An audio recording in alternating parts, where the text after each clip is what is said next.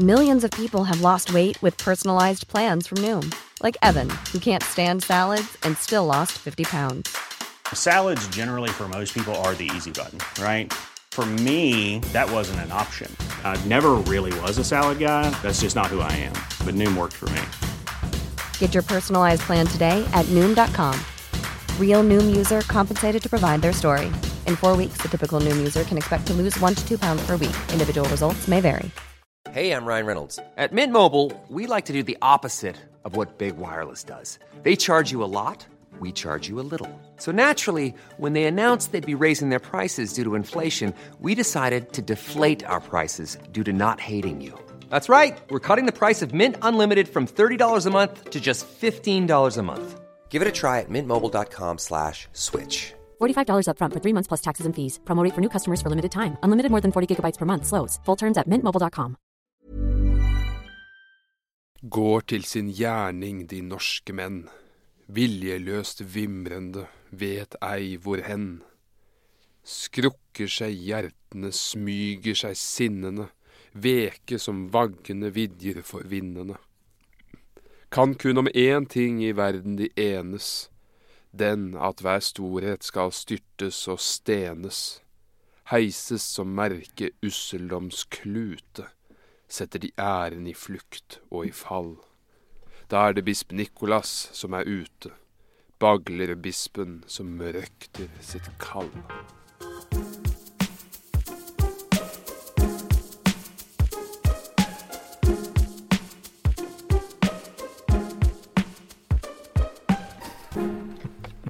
Velkommen til Øde og Einar Lesse Ripsen. Takk, Øde. ja, hva, hva er grunnen til å lese dette? Det er denne kjente strofen som er kjent av en grunn, da. Dette med at om, ting, om kun én ting kan de enes, at storhet skal styrtes og stenes. Mm. Ja, det er jo uh... Den eh, kom på en overras overraskende, sted, overraskende sted, da. Ja. For dette her er jo ikke nødvendigvis en kritikk av Norge. Det er mer, mer filosofisk enn jeg trodde fra før av. Hele stykket eller sitatet? Begge deler. Ja. Men tenk tenkte mest på dette sitatet her, da. For i dag er det kongsemnerne. Mm. Det sa vi vel ikke. 1864. 1864. Og jeg må jo si at på veien hit Jeg kjørte hit, så jeg ville bare Jeg, kjørte med min søster, så jeg ville at hun skulle diktere litt for meg, så at jeg Ja. fikk, fikk inn litt av stoffet på nytt. Og så leste hun en del fra andre akt, og så sa hun plutselig 'Herregud, så kjedelig'. og det er noe i det. Jeg tror kanskje av at alt vi har lest, så var dette det tyngste å gå gjennom. Interessant at du sier det, fordi det er jo ikke så mye som skjer. Det er ganske tungt kanskje på en måte, er jeg enig i. Men jeg må innrømme jeg har en bekjennelse å komme med okay. i dag. Kongsemnerne. Jeg vet ikke om det er dette stykket spesifikt, eller om det er Ibsen, mengden av Ibsen så langt vi har lest. Men Ibsen er i ferd med å nå meg. Han er i ferd med å ta meg. Ok. Altså, det å lese Ibsen blir mer og mer for meg som å gå til psykolog. Altså, han avslører meg mer og mer, og han, han stiller alle spørsmål som er vonde å stille, og det går inn i meg, liksom. Ibsen er i ferd med å ta meg. Ja, nei, men jeg eh, Og jeg syns med kongsemneren at det ble ekstra ille. det, er jo han, det, det er jo han Jattgeir, da. Ja, han, han dikteren. Ja, Ja. det er jo han som er den store figuren i den fortellingen, som kommer og forteller sannheten. Ja. Han er jo sjamanen. Mm, han er uh, innsiktsfull. Men uh, ja. Og du har jo disse, du har disse dette, Ibsen fortsetter med dette prosjektet sitt med å hele tiden beskrive motsetninger. ja. Så jeg opplever nesten at Jatgeir er den, den, på en måte den naturlige Altså litt sånn som Skule og Håkon er jo de opplagte to på Mm. toppen her. Håkon er den som er konge, som beter seg som en konge. Alt går hans vei, som Mm. det bør gå med en konge. Og så har du Skule som gjerne vil være konge, men ikke greier det. Mm. Men så har du også Jatgeir og denne bispen, bisp Nikolas, Mm. som er på en måte to sånne figurer hvor bisp Nikolas vil, vil veldig gjerne være den som ikke har makt og er synlig, men som sitter bak kulissen og styrer. Mm. Mens Jatgeir er kanskje en litt mer naturlig påvirker. Ja, altså nå har du jo egentlig oppsummert det litt. Altså jeg syns vi skal bli bedre på å oppsummere Ja. enn det vi har vært hittil. Det er noe vi må jobbe med. Kjappere til å oppsummere, føler jeg. Mm. Og det gjorde du egentlig nå. Altså dette er jo det er, Ja, det er jo Håkon og Skule det handler om, egentlig, på mange måter. Og det handler om de to og deres kamp om kongedømmet. Ja, konflikt. Og dette er en virkelig er- fortelling. Ja, Håkon er liksom naturlig konge. Det er, Birke, det er han som ble båret over fjellet, er det ikke? Birkebeinerne. Ja. Eh, Så han er krona konge, og han blir krona konge i begynnelsen av stykket. Og Skule er jarl i Trondheim, og han vil bli konge. Ja. Og han blir konge i fjerde akt. Eh, Eller han kroner seg selv. han kroner seg selv til konge i fjerde akt, og så mister han igjen i femte. Så det er det egentlig er dette plottet her, er jo egentlig Håkon er konge, Skule vil bli konge, og så er det litt krangling dem imellom. Og så blir Skule kroner seg sjøl til å bli konge, men så sliter han med samvittighet og nag og tvil og alt som vi skal komme til. Og han ender med at Håkon igjen blir konge. Og det ender med at Skule går selv i døden. Det skal vi komme til. Ja. Det er plottet. og dette her er jo en sann historie fra de tidlige dager etter at Norge ble samlet i ett rike. Ja. Jeg tenkte da jeg leste det, at det er ufattelig interessant at Så dette foregår i første halvdel av 13. århundre. nesten alle nye land har sånne problemer. De har sånne maktkamper, og makten er ikke konsolid konsolidert seg. Og jeg, jeg tror at en av grunnene til at det har vært så mye fred i Norge og Sverige de siste hundrevis av årene, er fordi det er gamle land. Nå, altså, nå ble jo Norge sånn på papiret fritt i 1905, men det har en lang historie for å være et samlet område. Mm. Mens sånne nye land som ble samlet på slutten av 1800-tallet, Tyskland, eh, Spanien, til en viss til, til dels i alle fall, Italien, alle de fikk jo problemer med masse sånn maktkamp på 1900-tallet. For det er det som skjer med unge land. Det har ikke lagt seg ordentlig. Det må Det, finne, finne sin form. og det er det vi har sett i Israel og sånt også, ikke sant. Det er et ungt land, og da får du masse kniving og uenigheter. Og i dette tilfellet så så starter det med han Håkon Håkonsson, som er denne kjente babyen som Birkebeinerne Birkebeineren har dratt med seg over fjellene. Det er derfor fjellene. alle de på Birkebeinerløpet har denne sekken som veier 4,5 kilo. Ja. Det, er, det er jo babyen de har oppi der. Jeg er kanskje litt radikal, men jeg mener de skal reise med en ekte baby. Jeg syns de skal arrangere skiløp med en ekte baby. Hvem donerer babyene sine til så mange skiløpere? altså, jeg syns ikke man skal få lov til å delta hvis man, eh, hvis man ikke Ha med egen unge, da, eller? Egen unge. Ja, For man vil- kan, man kan ikke drive og bære på en annen manns unge. Det skal vi komme til, faktisk. Det er jo temaet tema her. ja, ja. Ja. Men, men så altså så, så dette stykket åpner jo da med at For han er jo bastard, Håkon Håkonsson. Men Mm. Ja. disse vikingene er veldig opptatt av blodslinjer, så det gjør på en måte ingenting at man er bastard. Nei, han er utenfor ekteskap, tenker du på, ikke sant? For vanlige Ja. folk. Ja. Ja, Men så er det det at han er blitt tatt vare på, og Mm. de vet at han er sønn av kongen. Så første akt åpner med at de skal, de skal krone en ny konge, og så blir han valgt. ja, han blir krona som konge. Og Skule er misunnelig. Han vil også bli konge. Ja, Skule har jo vært konge, så vidt jeg har forstått. Er han det? Han er jarl i Trondheim, men han vil bli konge. Ja. Han sier at han alltid bare har vært en hånd, en hånd unna kongedømmet, men aldri liksom vært kongen. Ja. Det plager han. Han er liksom så nærme, men bare ikke over streken ennå. Så han kroner seg sjøl til konge. ja, men han mener jo at han har levd som en konge, på en måte. Han Ja. sier jo sånne ting også. Men jarlene i, Trond i Trondheim var jo veldig mektige på den tida. Ja, det er nettopp det. Så de var jo nesten konger i sine små områder, men de var liksom ikke konge i navn over hele landet.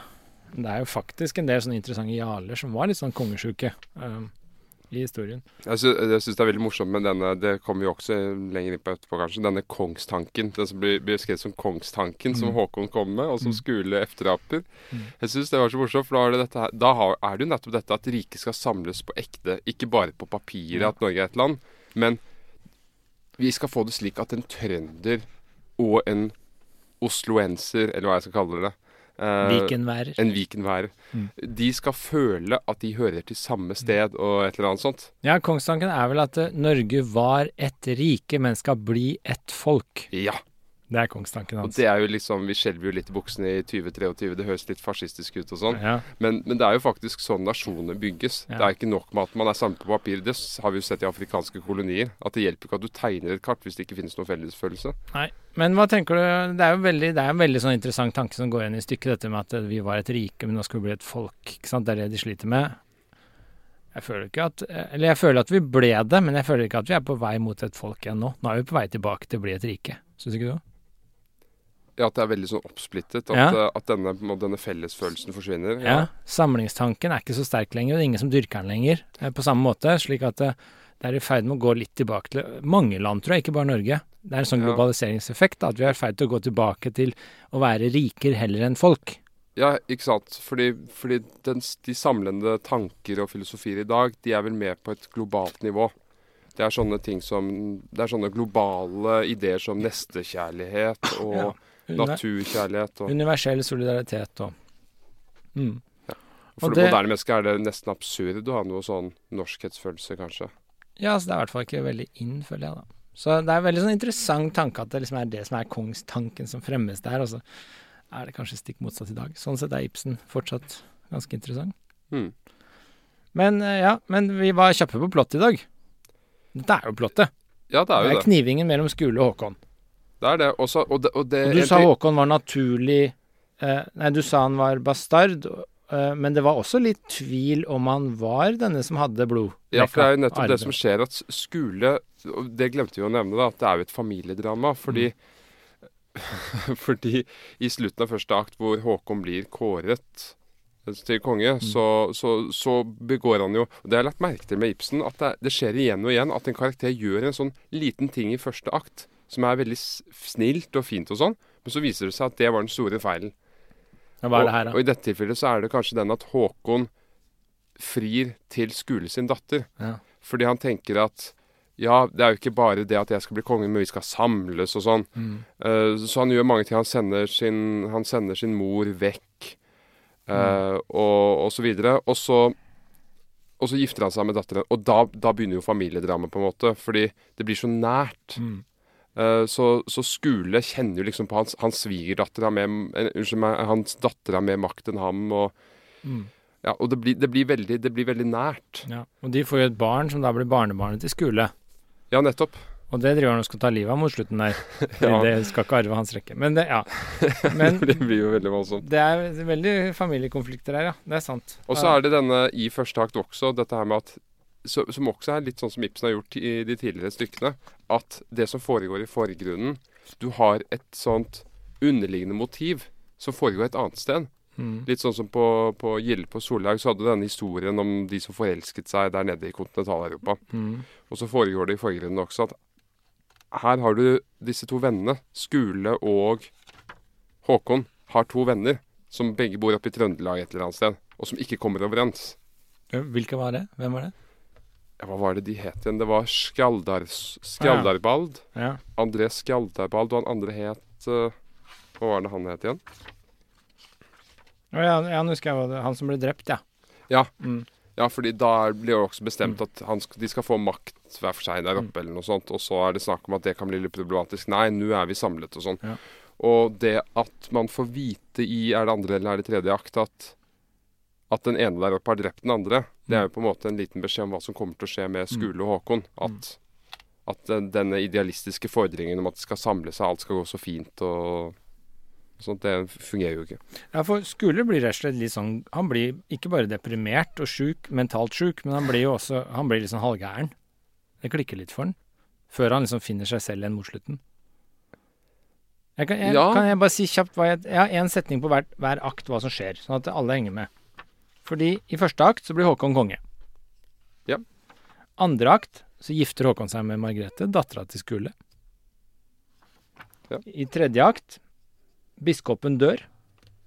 Og biskopen er han som driver maktspill mellom de to. Ja. Han er jo ganske viktig her. Han dør, og konflikten mellom Håkon og Skule begynner å øke eh, i intensitet. Det er i tredje akt.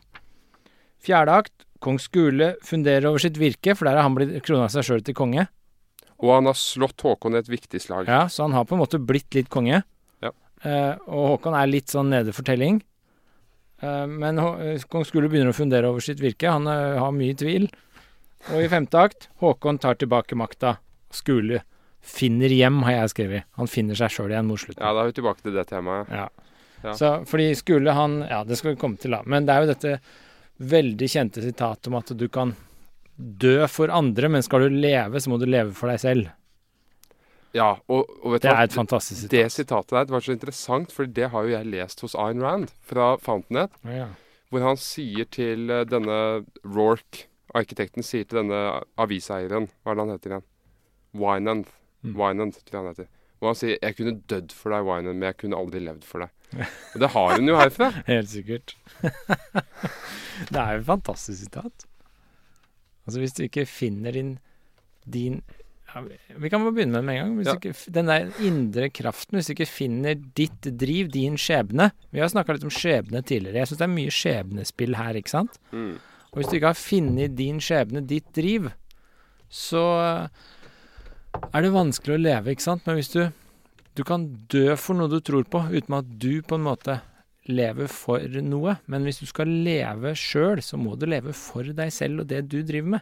Det er Ja. veldig Det stikker dypt. Jeg syns Ibsen, Ibsen er veldig flink til å sette sammen grunnfølelser med filosofi. Mm. Fordi grunnfølelsen som dette, tem, dette stykket handler om, det er sjalusi. Mm. Og så på en måte så besvarer Ibsen sjalusiens problem. Jo, hvis du er sjalu, eller misunnelig Litt vanskelig med de begrepene, men så er problemet at du mangler et eget prosjekt. Det er Mm. problemet.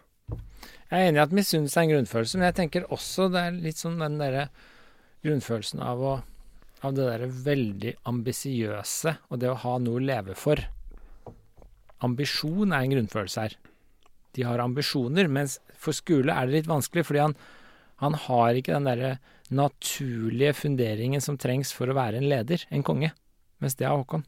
Mm. Men begge har jo ambisjoner om å bli konge. Og siden Håkon så faller det naturlig for, mens for Skule så faller det ikke naturlig. Og da sliter Skule, men ikke Håkon.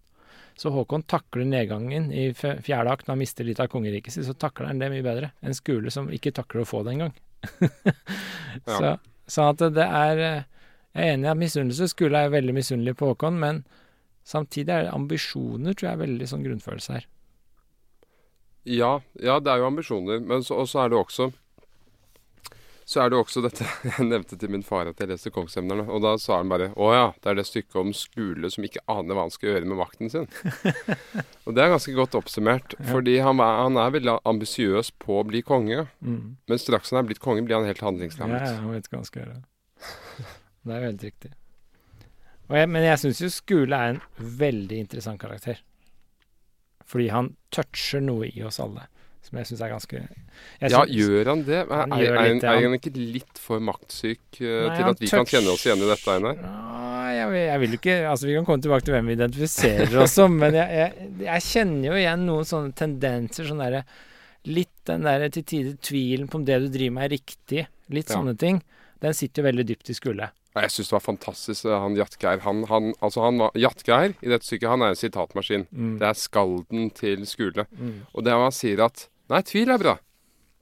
Tvil er veldig fint. Mm. Du kan bygge ting på tvilen, men det som ikke er bra, den giftigste tvilen, det er å tvile på tvilen. Ja, det er det der veldig eh, Altså, det eh, Han sier jo altså Grunnen til at han ble skald, var jo sorg, hjertesorg. Ja, det er så nydelig. Eh, det hadde han, og det drev han så sa- Hjertesorgens gave, Ja, kaller han det var en gave, for da kunne han bli skald. Men så sier han du, andre kan ha glede, andre kan ha tvil. Det må bare være én sånn gave som gjør at du blir inspirert.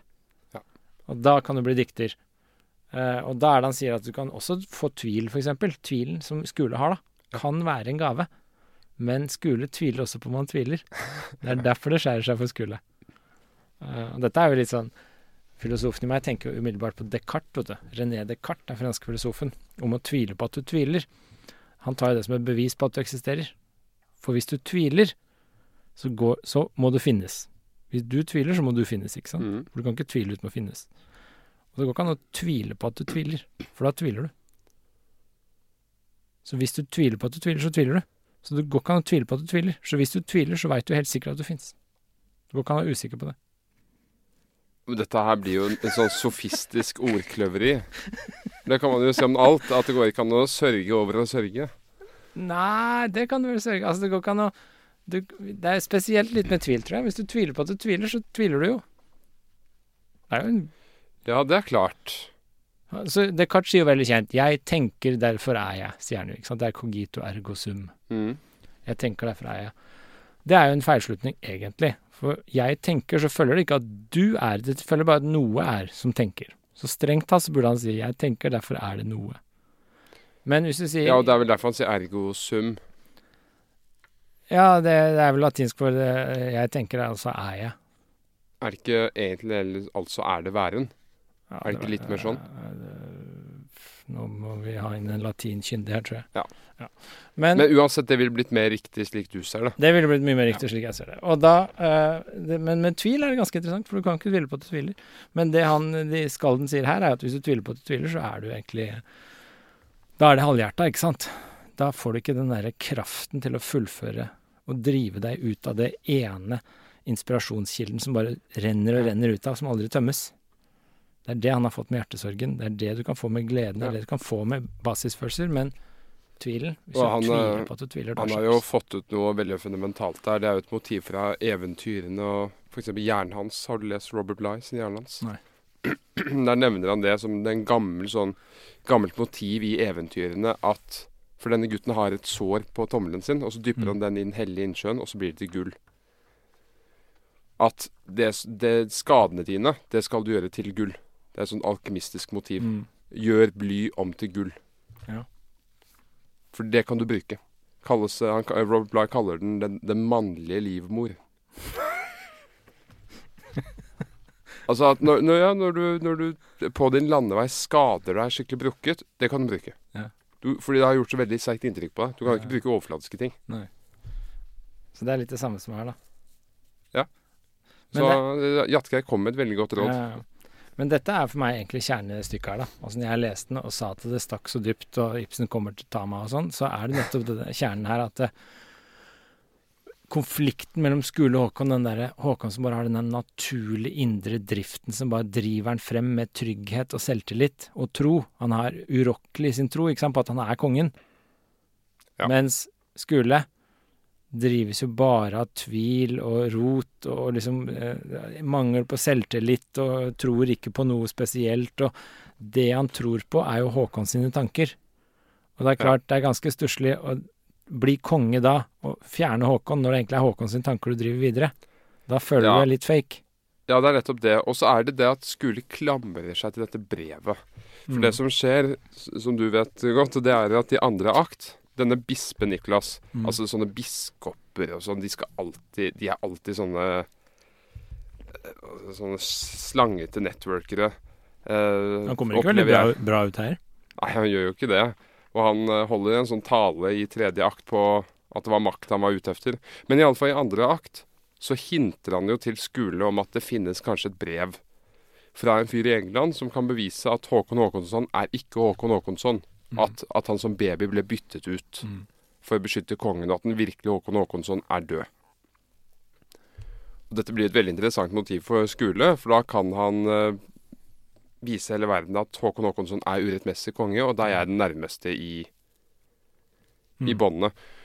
Men så gjør jo Ibsen dette Han gjør det jo litt komplisert, da, fordi det kommer jo frem at Skule tenker at Håkon går jo frem som en konge. Ja.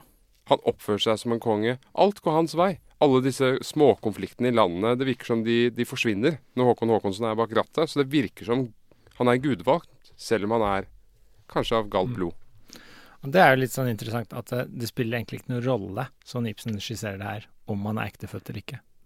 For han er konge i væremåte. Det er evnen, altså. Så han har den indre driften som bare gjør at han er konge. Mm. Og da spiller det ingen rolle om du formelt er det, eller om du juridisk er det, eller om du Det spiller ingen rolle. Og det er jo det Skule mangler. Ja. Det er derfor jeg ble så redd når jeg leste stykket her. okay. For jeg ble sånn faen, er jeg Håkon eller er jeg Skule? Å nei. Eh, så jeg syns det var Fordi Håkon er jo her det jeg ville kalle hel ved. Håkon er solid.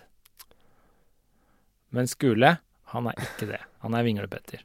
Jo, men det, det, nettopp, nettopp derfor er jo Håkon også ufattelig kjedelig. Han er litt kjedeligere, jeg er enig. Vi kan, ja, vi kan ta det med en gang. Han, han er litt kjedeligere fordi han er så Men han er trygg. Og han har så tro på alt. Han sier liksom bare Når, når Skule blir eh, konge, så sier han eh, veldig fint på slutten her, så sier han uh, For han sier at det spiller ikke noen rolle. Fordi i himmelen Jo, så er det han som er konge. Vi kan jo gå litt nøyaktigere gjennom dette først, fordi dette brevet som Skule venter på, han hvor, som kan bevise at Håkon Håkonsson er ikke Håkon Håkonsson, Ja. han håper jo på å få det fra biskopen Mm. i tredje akt, hvor biskopen ligger på sitt dødsleie. Men eh, han, han klarer å få brent brevet opp før han får lest det. Fordi biskopen har bestemt seg mot slutten av livet at jeg orker ikke mer sånn Mine syndere er tilgitt nå, jeg orker ikke lage mer bråk enn jeg allerede har gjort. Og kort tid etterpå så treffes de i alenerom, Håkon Håkonsson og Skule. Og Håkon Håkonsson avslører for Skule kongstanken, som vi har vært inne på, at et rike skal bli et folk. Og da Skule setter seg imot det. Nei, dette er umulig. Det er ikke mulig å samle trøndere og vikenværinger osv. Og, og så Og det er jo sant. Det er jo Efter den sant. Det er jo sant. ja. Ja, det er en sannhet med modifikasjoner, da. ja. Men så efter det så drar jo Skule og kroner seg selv til konge. Mm. Og det, således er vi i fjerde akt. Og det er i denne akten at det viser seg at Skule har blitt litt betatt av denne kongstanken. Men det, jeg syns det er så ufattelig dyptpløyende å skissere en karakter med sterke ambisjoner som går for å bli konge, og så tar han egentlig bare over en kongstanke fra en annen. Ja. Så han lever på en illusjon egentlig om at det er han som driver det her. Det er, ville vært Håkon som styrte uansett om Skule styrte Håkon var død, liksom, for det var Håkons idé. Ja. Og det spiser jo ham opp innenfra. Ja, altså Han vet jo at han bare gjør det Håkon gjorde, så hvorfor driver han og skal ta over for Håkon da? Det er det jeg syns er så utrolig bra her, da. Altså Han driver og jobber gjennom hele stykket for å bli konge, og så går det opp for han helt på slutten at eh, han har jo bare tatt over det Håkon drev, og Håkon var jo egentlig mer naturfødt til å drive det her enn han. Så han har bare levd på en illusjon, ikke sant. Han har levd på ambisjoner som ikke har noe rotfeste. Ikke har, ev- han mangler evner. Han har higen, men han mangler evnen. Dette her er jo et motiv vi har sett flere ganger. At den med evnene er ikke nødvendigvis den ektefødte. Mm. Og har ikke nødvendigvis noen nobel bakgrunn. Det er aldri derfor at du vil den skal komme fra. Det er litt sånn som at eh, i borgerlige tider så er det en fattiglus som viser seg å være den mest begavde. Mm. I Sovjetunionen så er det ikke en er den mest begavde, Det viser seg å være en borgerlig gutt. Mm. Så du har jo, det, du har jo dette fra Amadeus-filmen med Salieri. Mm. Som ser denne barnslige, lille, tåpelige fyren som bare skriver mye bedre musikk enn han. Det er en veldig kul scene, faktisk. Den der han går bort og spiller piano. Husker du det? Ja, ja. Hva skal velkomme Eller ja, Salieri skal Mm. si velkommen til Mozart. Ja, veldig morsomt. Men eh, det jeg skulle si, var slutten på tredje akt, så sier jo Håkon det her, ikke sant? Han sier eh, Herre, herre, nå er det verste hendt, sier han Dagfinn Bonde til Håkon. For nå har skuldre tatt over, ikke sant. Og så sier eh, Håkon Smiler tillitsfullt til og med Håkon. For han er veldig enfoldig, men han er så trygg, det er det jeg vil frem til. Og så sier han eh, Jeg vet det, men det har ingen nød, gamle Dagfinn. Er det enn to konger i Norge, så er det kun én i himmelen, og han greier det nok. Han stoler på skjebnen, han. Han stoler på Gud og skjebnen og seg selv helt sånn blindt. Og selv når han har mister deler av kongeriket sitt, så, liksom, så tror han at det går bra igjen. Og det går jo bra igjen for han. Ja, til og med efter å ha tapt et stort slag. Som skjer et eller annet sted imellom tredje og fjerde akt. Og det er jo det, dette, det, er det her jeg syns er så innmari plagsomt. Altså den derre Altså, det er jo Håkon er jo liksom på mange måter helten her, men Skule er på mange måter en mer interessant karakter. Og spørsmålet er Men Skule er jo hovedpersonen i stykket. Syns du det? Ja. Ja, han er kanskje Det er jo han som forandrer seg. Det er en sånn gammel regel. Ja. Det er, så han er jo helten, men han, han er nesten antihelt. Eller det er litt uklart. Ibsen spiller med hodene våre her. Mm. Jeg minner om at jeg, jeg, jeg er enig i at han sånn sett er hovedkarakteren, men jeg minner at jeg, jeg så liksom begge, den duoen veldig sånn sterkt, egentlig. Håkon versus Skule. Og at det liksom er to sider i vår syke. Du så jo eh, sånn som Furia og i Catelina, den første, så var det Furia og hva heter den andre? Aurelia. Aurelia. Som var liksom disse to sidene av eh, To sider vi alle kan ha, liksom. Og sånn er det her nå, føler jeg. Skule er den tvilende, og Håkon er den derre du vet hva du skal. Men Det jeg tenkte på også, er at det er jo i Katlina De to Mm. figurene finnes også i Katlina, men den Katlina er jo den som tviler. Ja. Så han er jo som skulle på mange måter. Begår opprør osv. Men uh, her har vi Håkon. Han, den tilsvarende i Katlina er jo ikke med i stykket. Nemlig han uh, Hva er det han heter igjen? Han på det romerske ting. Han som uh, Cicero. Ja. Cicero. Mm. Var også veldig trygg og veldig ordfør. Og, Men det som Det som jeg føler skjer i det stykket her, da, det er jo mange temaer. Altså sånn, nå har vi satt plottet det at det er denne kampen om kongeriket, egentlig, og den der natur versus ikke-naturlig fødte kongen. Men det er jo en del sånne begreper som er veldig sånn problematisert, sånn som behovet for anerkjennelse, f.eks. Skula har dette konstante behovet for å an bli anerkjent av andre. Det har ikke Håkon. Håkon har ikke noe behov for anerkjennelse. Det kommer frem et par steder at Håkon vet akkurat hva han skal gjøre, han, uavhengig av om folk er enige eller ikke. Men Skule, han trenger anerkjennelse av andre. Ja, det, sånn sett minner det litt om forrige stykke også, med Falk, som trenger Ja. uh, luft under vingene Ja. for å fly opp. Eh, denne fjerde akten hvor, hvor Skule febrilsk leter efter noen han kan støtte seg på. Mm. Og det er så tragisk. Men det er Skule her.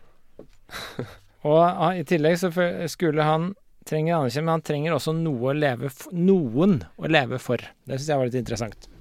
På den ene siden så lever han for å bli konge. Men det er noe han lever for. Men han klarer det ikke helt. Men når han får denne sønnen som vi ikke har snakka om ennå Han får jo plutselig bevis på at han har en sønn som heter Peter. for han har jo bare Bevis og bevis, jeg vet ikke. Han blir gitt denne gutten og si, blir sagt at det er sønnen din. En gammel flamme som kommer bort til ham og sier at det er din sønn. Ja.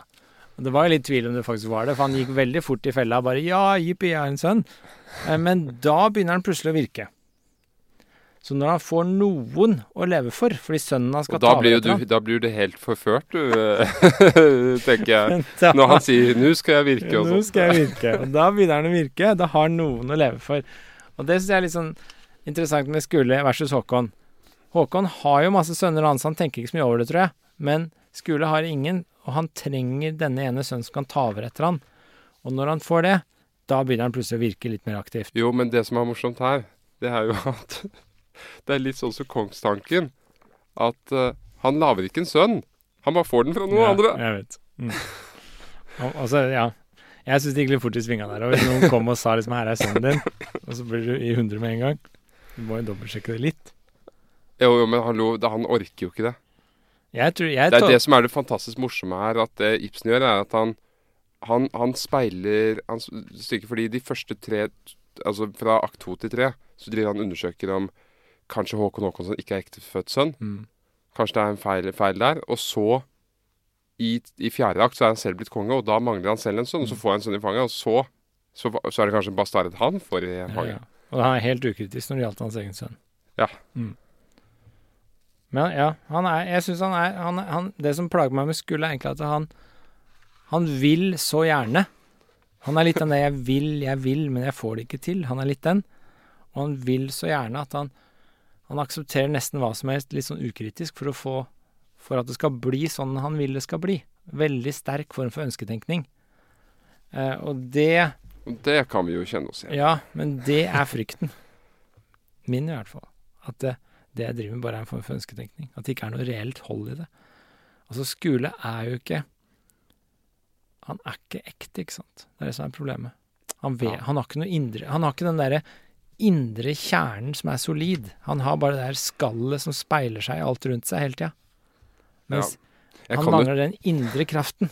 Det er det verste. Jeg jeg kan jo trøste deg med at Ibsen har jo bygget opp disse karakterene, og Skule er sannsynligvis mye mer et selvportrett enn Håkon. Antageligvis, da. Det er derfor kanskje det er stikker litt. Og for Håkon er det jo svært, svært få som tilfredsstiller. Altså, ser seg sjøl i speilbildet av Håkon. Det er veldig få. Jeg tror de veldig mange ser seg før, før det i speilbildet av Skule. Ja. Og det er jo derfor det her stikker så djupt, for Skule er jo på en måte en antihelt der. Han er jo ikke den Han er ikke den du ser opp til, liksom. Nei Bortsett fra helt på slutten, så fikk jeg litt sånn Da får han litt kred i min bok, da. Ja, det er jo det. Historier er jo om forvandling, og Håkon Håkonsson er helt endimensjonal. Han er bare velfungerende fra begynnelse til slutt, og det er denne forvandlingen til Skule vi kan lære av. Helt klart. Men det er en forvandling på en måte av de kjipe sider i oss. Det er derfor det stykket her tror jeg stikker litt dypt for meg. Hadde det vært en forvandling av de sterke sidene, så hadde jeg vært sånn Ja, det er bra. Dette blir bra. Men når det er sånn en Er fortelling sterkt, hvor jeg speiler meg i det kjipe av meg, da blir jeg litt stressa. Er det ikke ganske sterkt da, at han ofrer sitt liv? Jo, på slutten så tar han seg opp. Ja. Ja, vi kan komme til det, eller? Skal Vi kan jo det, men vi kan jo ikke hoppe, vi kan ikke hoppe Nei, så fort. Det blir litt mye springing her nå. Vi kan se på noen sitater underveis, da. Det kan vi gjøre. For nå har vi vært gjennom plottet, har vi ikke det? Det har vi jo. Uh, kan jo si, bare avslutningsvis si at den slutten vi snakker om, Mm. er jo at han er samlet med sin datter. Han har rømt den aller siste krigen der, i, oppe i Trondheim, og rømt opp til åsen der. hvor han da omsider innser, eller innrømmer, da, at dette er det, At han er ikke rette konge. Mm. Og han gir seg frivillig hen til Bermen. Han tar med seg sønnen sin ut og blir drept. Ja. Frivillig. Mm.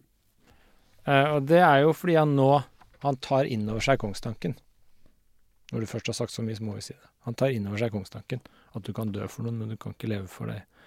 Han, er, han vil heller eh, dø for andre enn å leve for seg selv. Det er på en måte hans eh, kall. Ja, siden han Var det, ikke sånn, var det ikke sånn du tolka det? Du så så spørrende på meg. Nei, jeg hadde ikke tenkt sånn på det. Nei, fordi han, helt på slutten så går han jo frivillig i døden og lar seg dø. Og det er jo fordi han innser at han ikke vil drepe sitt barnebarn som han planla. Han vil ikke drepe kongssønnen eh, som Håkon har med dattera hans, Margrethe. Han vil ikke liksom ta lenger. Han vil innse at han er ikke den rette kongen. Og så innser han det han der skalden sa, at eh, du kan dø for andre, men du må leve for deg selv. Og da innser han at han vil dø for andre istedenfor å leve for seg selv. Så han dør for Håkon. Ja. For det er jo kongstanken han egentlig tror på. Og den er Håkon sin. Og da går han og dør for den, så Håkon kan få realisert den. Det er var sånn jeg tolka slutten. Det, Og det, det er det jo kred i boka mi for, at han innser hva som er faktisk sant og reelt og autentisk, og så går han for det. ja, det er jo det. Så han lever ikke lenger på en illusjon til slutt. Ja, nei, men da fikk du litt ut av den avslutningen. Fordi jeg eh, Jeg må innrømme at jeg syns det var litt vanskelig Ja. å fatte helt hva som var gjentenkt. Jeg skjønner jo det at når du ofrer livet ditt, så er det noe stort bak det. så klart. Han tok jo med seg sønnen sin òg. Ja, det var kanskje litt på kanten. Men uh... Altså, vi kan, jeg tenkte jeg skulle nevne det i dag. Altså det derre Forherligelsen av å gå i døden for en sak. Det er jo ikke alltid det er veldig kult. Nei, hvis man ser symbolsk på det, da, Mm. så, så er det noe med dette offeret. Offeret er et veldig misforstått begrep i moderne lutheranske land, fordi vi ser på det som at man bare mister noe. Mm. Mens fra gamle tider, da, hvis man ofret et land, så fikk man jo kjøtt. Så det er noe med det motivet, da, at uh, du, du må, du må ofre noe for å få goder tilbake. Mm. Dette er jo det store, dype psykologiske spørsmålet alle skal stille seg. Hva er du villig til å ofre for hva? Abraham ofra sin eneste sønn for Gud. Det er det ultimate offer, ikke sant? Ja, sine, sine jordlige forbindelser med det himmelske. Så han ofra jo det han elsket aller høyst, som han hadde jobba i 100 år for å få. Han fikk endelig denne sønnen og nærma seg 100. Og så ofrer han det fordi Gud sier det, uten å kreve noen forklaring. Det er jo ultimate offer. Og det er det ingen som klarer, tror jeg. Men hva er vi villige til å ofre for hva? Hva er du villig til å ofre for hva, Rade? Oi. Ja, nei, jeg, jeg, er jo veldig dårlig på å ofre ting. Ja. Eller eh, For de som Du- aldri ofrer noe, de får jo Altså, det er jo det interessante her, ikke sant. Hvis du ikke er villig til å ofre noen ting, så har du knytta deg for mye til jordiske ting og, Ja. og ting du har, og du, da, har du, da, er, da er det noe du mangler av driv og ambisjoner, ikke sant, hvis du ikke har noe du vil ofre. Men jeg, jeg har latt meg forføre litt av det Nietzsche skriver om i, eh, i Den muntre vitenskap. At man skal eh, At eh, det du ofrer, det skal bestemmes av hva du velger å gå for. Jeg husker ikke helt hva jeg ordlegger det. Ja. Men det du prioriterer bort Du skal ikke prioritere ting bort, du skal prioritere noe. Ja. Og det du ikke får tid til, det blir da automatisk prioritert. Ja. Så det er jo bare sånn Du skal øye på ballen, ikke på Ja, det er jo litt sånn. Og der eh, Jeg snakket med min svigerbror om det, for han hadde fått motsatt beskjed av en professor. mm, Han hadde fått beskjed om at du, det du velger Når du velger, så velger du også noe bort. mm, Og det er jo sant uansett hvilken strategi man velger, men det, det han sa der, det var Han ville at han skulle fokusere på hva han valgte bort. Ja. Som, som du nevnte innledningsvis. Men Nietzsche sier nei, ikke fokuser på det, fokuser bare på det du skal gjøre. Det høres veldig Nietzsche ut. Så jeg bare lurer på hva som er rett. Det er kanskje ikke noe svar her. Nei, for Nietzsche er jo det jeg liker best av noen av de kuleste sitatene hos Nietzsche, er jo den derre Du skal ville deg selv. Ikke sant. Så hvis du, og det er jo det Håkon driver med i det stykket her. Han vil seg selv. Mm. Men Skule, han vil jo Han er redd. Han er redd for ja, seg selv. Ja, han vil jo egentlig ikke seg selv. Han vil det Håkon vil, han. Ja. Og da uh, er ikke Skule er ikke noen nitsjianer her, ikke sant, men det er Håkon. Uh, og du kan se, i samsvar med det du sa nå, så Håkon antageligvis har fokus på det han vil, ikke på det som blir ofret. Men Skule har kanskje hele tiden fokus på Stemmer det? Det stemmer vel litt. Skule er litt sånn som du nevnte nå. Han har hele tiden fokus på alt det han må Nei, kanskje ikke. Altså Ja, han har iallfall hva, skal man si om det? Han er, ja, det er jo frykt, da. Han styres jo av frykt. Ja, han, det, er, det er tvilen som driver Skule, ikke sant. Han, han vil noe, men han, han tviler alltid på om dette er det rette for han, hele tiden. Tvilen er alltid større enn viljen. Så han har vel ikke fokus på alt det han ofrer. Men er det, er det Jeg ville litt for mye der. Hva er det med den tvilen? Er det et medfødt problem, eller er, hvordan oppstår den? nei, det er en, altså Hvis du leser Hamlet, Shakespeares Hamlet, så er jo det som driver Hamlet, er jo tvil. Han dveler og tviler og tviler på det han skal Han får ikke ut fingeren, ikke sant. Han skal hevne faren sin. Får ikke ut fingeren, han bare går og tenker og funderer og får ikke han, både han har ikke den indre drivkraften, da. Nei, men det er, det er interessant at i, i så mange stykkene, sånn som i Fru Inger til Østeråt og denne om skule, kongsemnerne, er jo det samme. At de har ventet og ventet. Det er noen som har gnagd over lang tid, tvilt og tvilt, og så bestemmer de seg nei, nå handler jeg. Mm. Nå skal jeg opp med fingeren. Og så går alt veldig galt. Ja, men hvis du ikke har vært trygg Altså, det er ikke det litt sånn generelle moralen. Hvis du gjør noe som du Du tviler fælt, og så bare går du for det. Da går det gærent. Hvis du, Ja. hvis du veit hva du vil, og så går du for det, så har jeg mer tro på det. Men hvis du lurer på om du skal gå for noe, så bare går du for det, da går det gærent. Ja. Eh, Det er det som ligger i tvilen. Så når Skule bare går for noe, så blir det gærent hver gang. Alt han prøver på i stykket her, går jo gærent. Det går jo ikke bra, noe av det. De trøndere stoler ikke på han til slutt heller, for han ligger jo inne og bare er deprimert når han endelig blir konge. Ja, Det er noe med det Håkon sier på slutten. Han sier et eller annet med at det var merkelig. Han, førte, han oppførte seg veldig rart. Alt han gjorde var feil. eller noe sånt. Ja, Det er jo helt fantastisk avslutning da, når du først sier det. Siste setningen. Ikke sant? Det oppsummerer jo Håkon her. Nei, Skule. Håkon sier helt på slutten av stykket, i femte akt, sier Håkon Hver mann om Skule, da. Hver mann dømte ham galt. Der var en gåte ved ham. En gåte, sier Dagfinn Bonde. Griper ham om armen og sier sakte, Håkon, da. Skule Bårdsønn var Guds stebarn på jorden. Det var gåten ved han. Ja. Så han var ikke en ekte. Han var Nei. den mer sånn formalia. Ikke jordlig stebarn, men Guds stebarn. Ja. Så han var liksom den der som ikke helt eh... Jeg syns det, det er litt sånn røft det de sier om ekte og uekte barn og stebarn og ektebarn her. Så tenkte du over det? Det er en del ting han Ibsen skriver om det å ha ekte versus uekte barn, og de kvinner som får egne barn versus de som er ufruktbare. Husker du det? Ja, det er et sånt sted hvor det er et eller annet med at man hater andre barn. Nei, det stiller spørsmål ved om Han sier Har du noen gang sett en kvinne som elsker andres barn? Ja, det er bare hvis hun ikke har fått egne. Det er bare hvis hun ikke har fått egne. og den er, den er ganske hard. Uh, Ja, Hvem er det som kommer med den? nei, det var det jeg prøvde å finne her nå, men den er ganske røff, altså. Uh, Men se, vi er på det temaet ja. Og det er jo litt det temaet som går igjen her, føler jeg, da. At uh, Ja. det ekte versus det falske. Det, det naturlige versus det unaturlige, ikke sant. mm. Og det å ha egne barn er liksom den Da får du en naturlig drift for beskyttelse og kjærlighet og sånn, og så kan du lære deg til det Ja. på andre områder, men da er det fordi du mangler den andre. Ja, du kan bare elske et annet barn hvis du ikke har et eget. Og er der har vi jo Skulle. Han har ingen egne mm, Mm. motiver eller tanker, så han elsker Håkon sitt. Det syns jeg var litt uh, Her her er det. Dette er på side 186. Og det er altså i For de andre som har andre bøker, så er det i er begynnelsen av fjerde akt. Nei, fjerde akt. Så sier kong Skule Det er faktisk kong Skule som sier det. Vent med det Jatgeir. eh, Det er han poeten. Og så sier kong Skule. Vent med det, si meg skald, du som har faret vidt om i fremmede lande.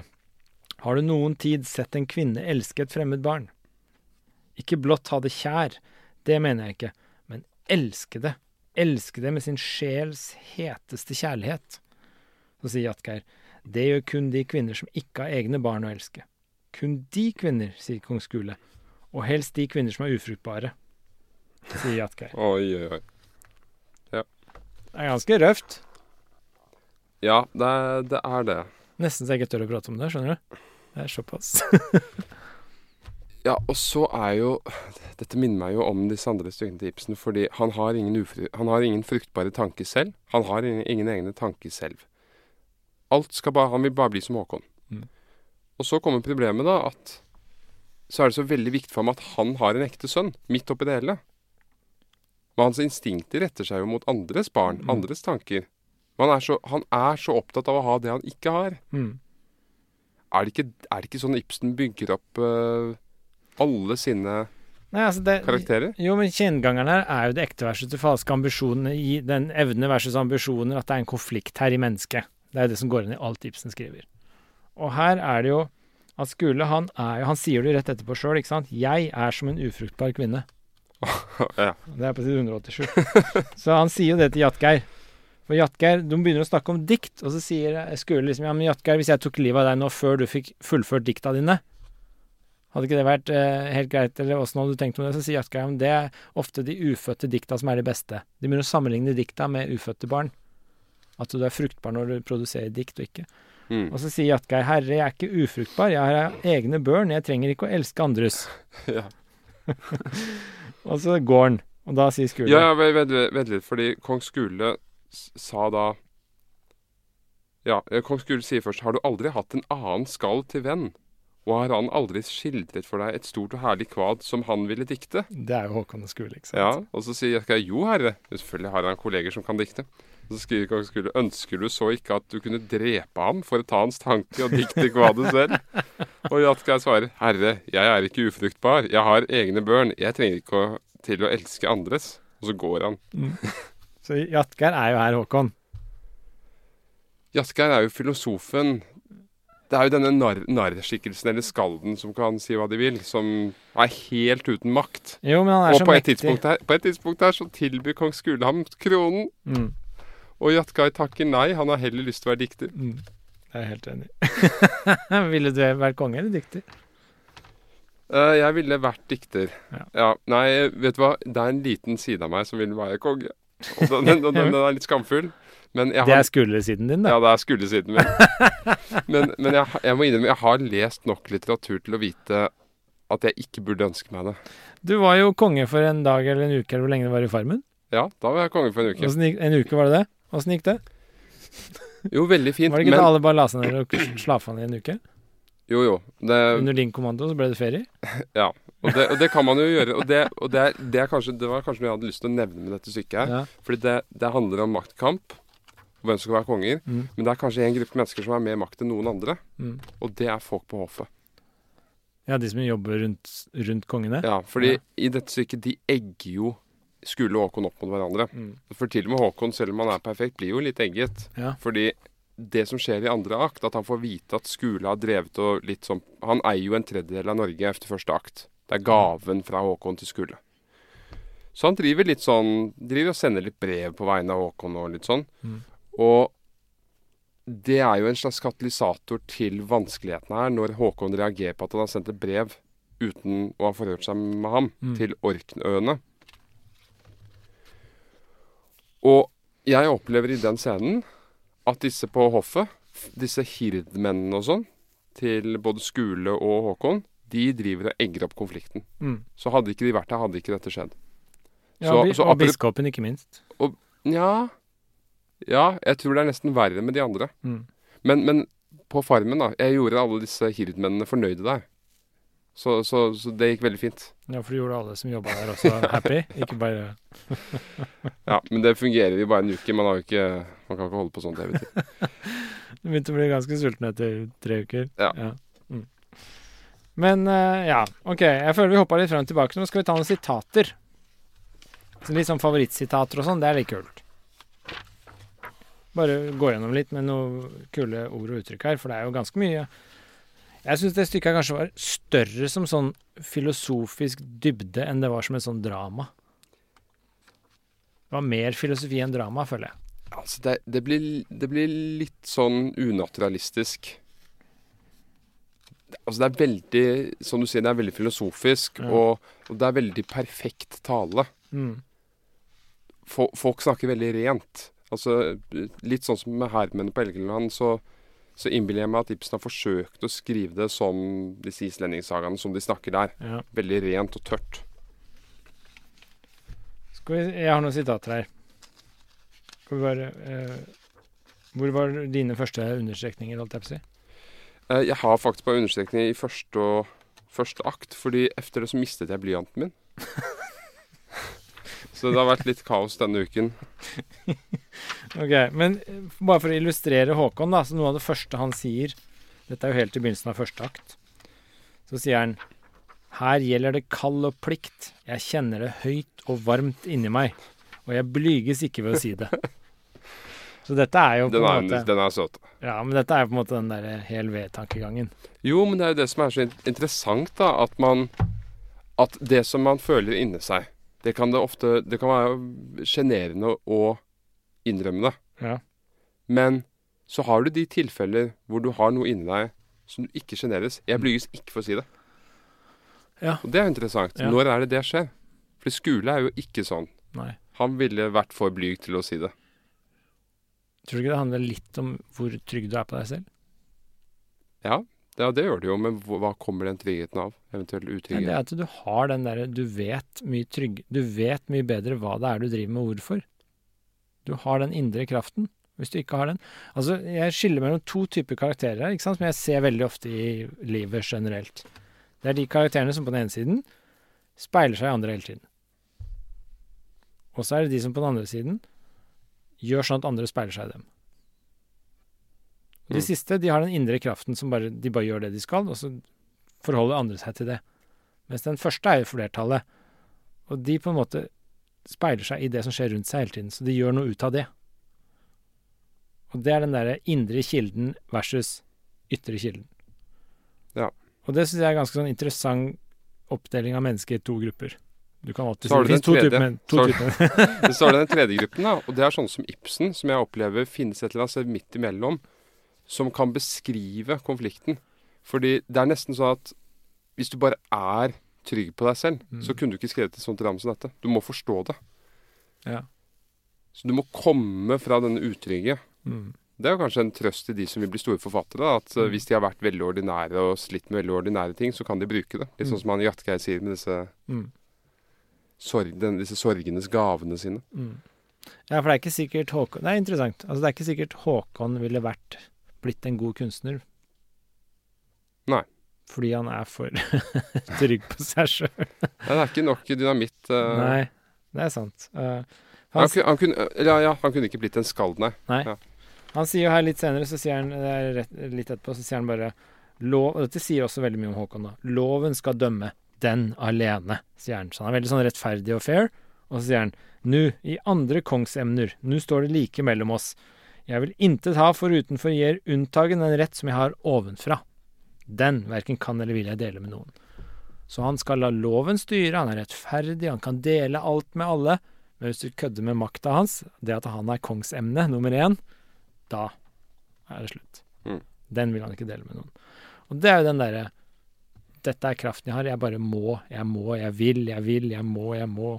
Eh, En røst dypt i min sjel. Det er det han egentlig driver med her. Eller jeg, ja, jeg er litt sånn skeptisk til det, fordi denne røsten dypt i din sjel, det er jo tvilen. Så, men, det, men det snakket vi om tidligere, at jeg, vi var kanskje litt uenige der. Jeg mente kanskje at Katalina tvilte i større grad enn du tenkte han tvilte. Ja. Jeg husker ikke her så lenge siden. Ja. men ja, men det var sitatene fra Håkon i begynnelsen, bare for å Det setter Håkon-karakteren ganske sånn solid på bakken, da. Han sier jo litt senere her En konge må ikke ha noen om seg som er ham altfor kjær. En konge må handle med frie hender, stå alene, ikke ledes, ikke lokkes. Mm. Så det han egentlig sier, er at det er, det er ensomt på toppen. Ja. Du kan ikke ha folk som er du altfor glad rundt deg, for du må være villig til å ofre hva som helst for å beholde makta, ikke sant. Mm. Jeg har et sitat her eh, fra andre akt av bisp Nikolas. Den store machiavelikeren i stykket. Mm. Eh, Hvor er du nå? Si det. Det er side 165 nederst på høyre side. Bisp Nikolas eh, spør hvem gjør den største gjerning i verden. Skule Jarl svarer det gjør den største mannen. Bisp Nikolas. Men hvem er den største mannen? Skule jarl, den modigste. Bisp Nikolas. Så sier høvdingen. En prest ville si den, den mest troende. En vis mann at det er den kyndigste. Men det er ingen av dem, jarl. Den lykkeligste mann er den største mann. Den lykkeligste er det som gjør de største gjerninger. Han, hvem tidens krav kommer over liksom i brynde, avler tanker, dem han ikke selv fatter, og som peker for ham på den vei han ikke selv vet hvor bærer hen, men som han dog går, og må gå. Til han hører folket skrike glede, og han ser seg om med spilte øyne og undrer seg og skjønner at han har gjort et storverk. Og det han sier der, er jo også veldig fint, og minner om Skule Håkon igjen. Mm. Nemlig dette med at Skule tror han vil bli lykkelig når han får makt. Mm. Mens han, bisp Nikolas sier her at det er omvendt, at Mm. den lykkeligste mannen blir den mektigste. Ja, jeg har så strekt under den og ringa rundt lykkeligste. Fordi det er jo interessant hva han mener med lykkelig her òg, da. Altså den lykkeligste. Det er på en måte den som Sånn jeg leser det her, da, så er det jo den som Kanskje ikke den som er mest tilfreds, men den som på en måte vil seg selv mest. Det er den som er den lykkeligste her. Mm. Det er ikke sikkert Håkon er sånn kjempehappy. Nei, det er jo dette vanskelig med lykkelig at alle har forskjellig definisjon på det, men alle vet hva det er når man snakker om det. Så det blir litt rart. Ja, altså En form for lykke er jo, som er litt sånn ofte i lykkeforskning, og sånn, er jo den der at du er en slags varig tilfredshet med tilværelsen din. Som varer litt. Det høres veldig slapt ut, det er ikke sånn, ja, men det er ikke sånn lykkeøyeblikk, for det har jo alle til enhver tid. Selv om du er deprimert, så kan du ha et lite lykkeøyeblikk. Men Ja. det er den derre Du er litt sånn varig tilfreds med tilværelsen du er i, over tid. Da er du lykkelig. Du har det bra med sånn det er nå, over tid. Det er en sånn spesiell tilfredshet over din egen tilværelse. Da er du lykkelig. Ja, det er jo som Aristoteles sin eidamonia. Ja, det er sånn kulminerer det i alt med lykke og moral og alt, og da er du liksom på topp.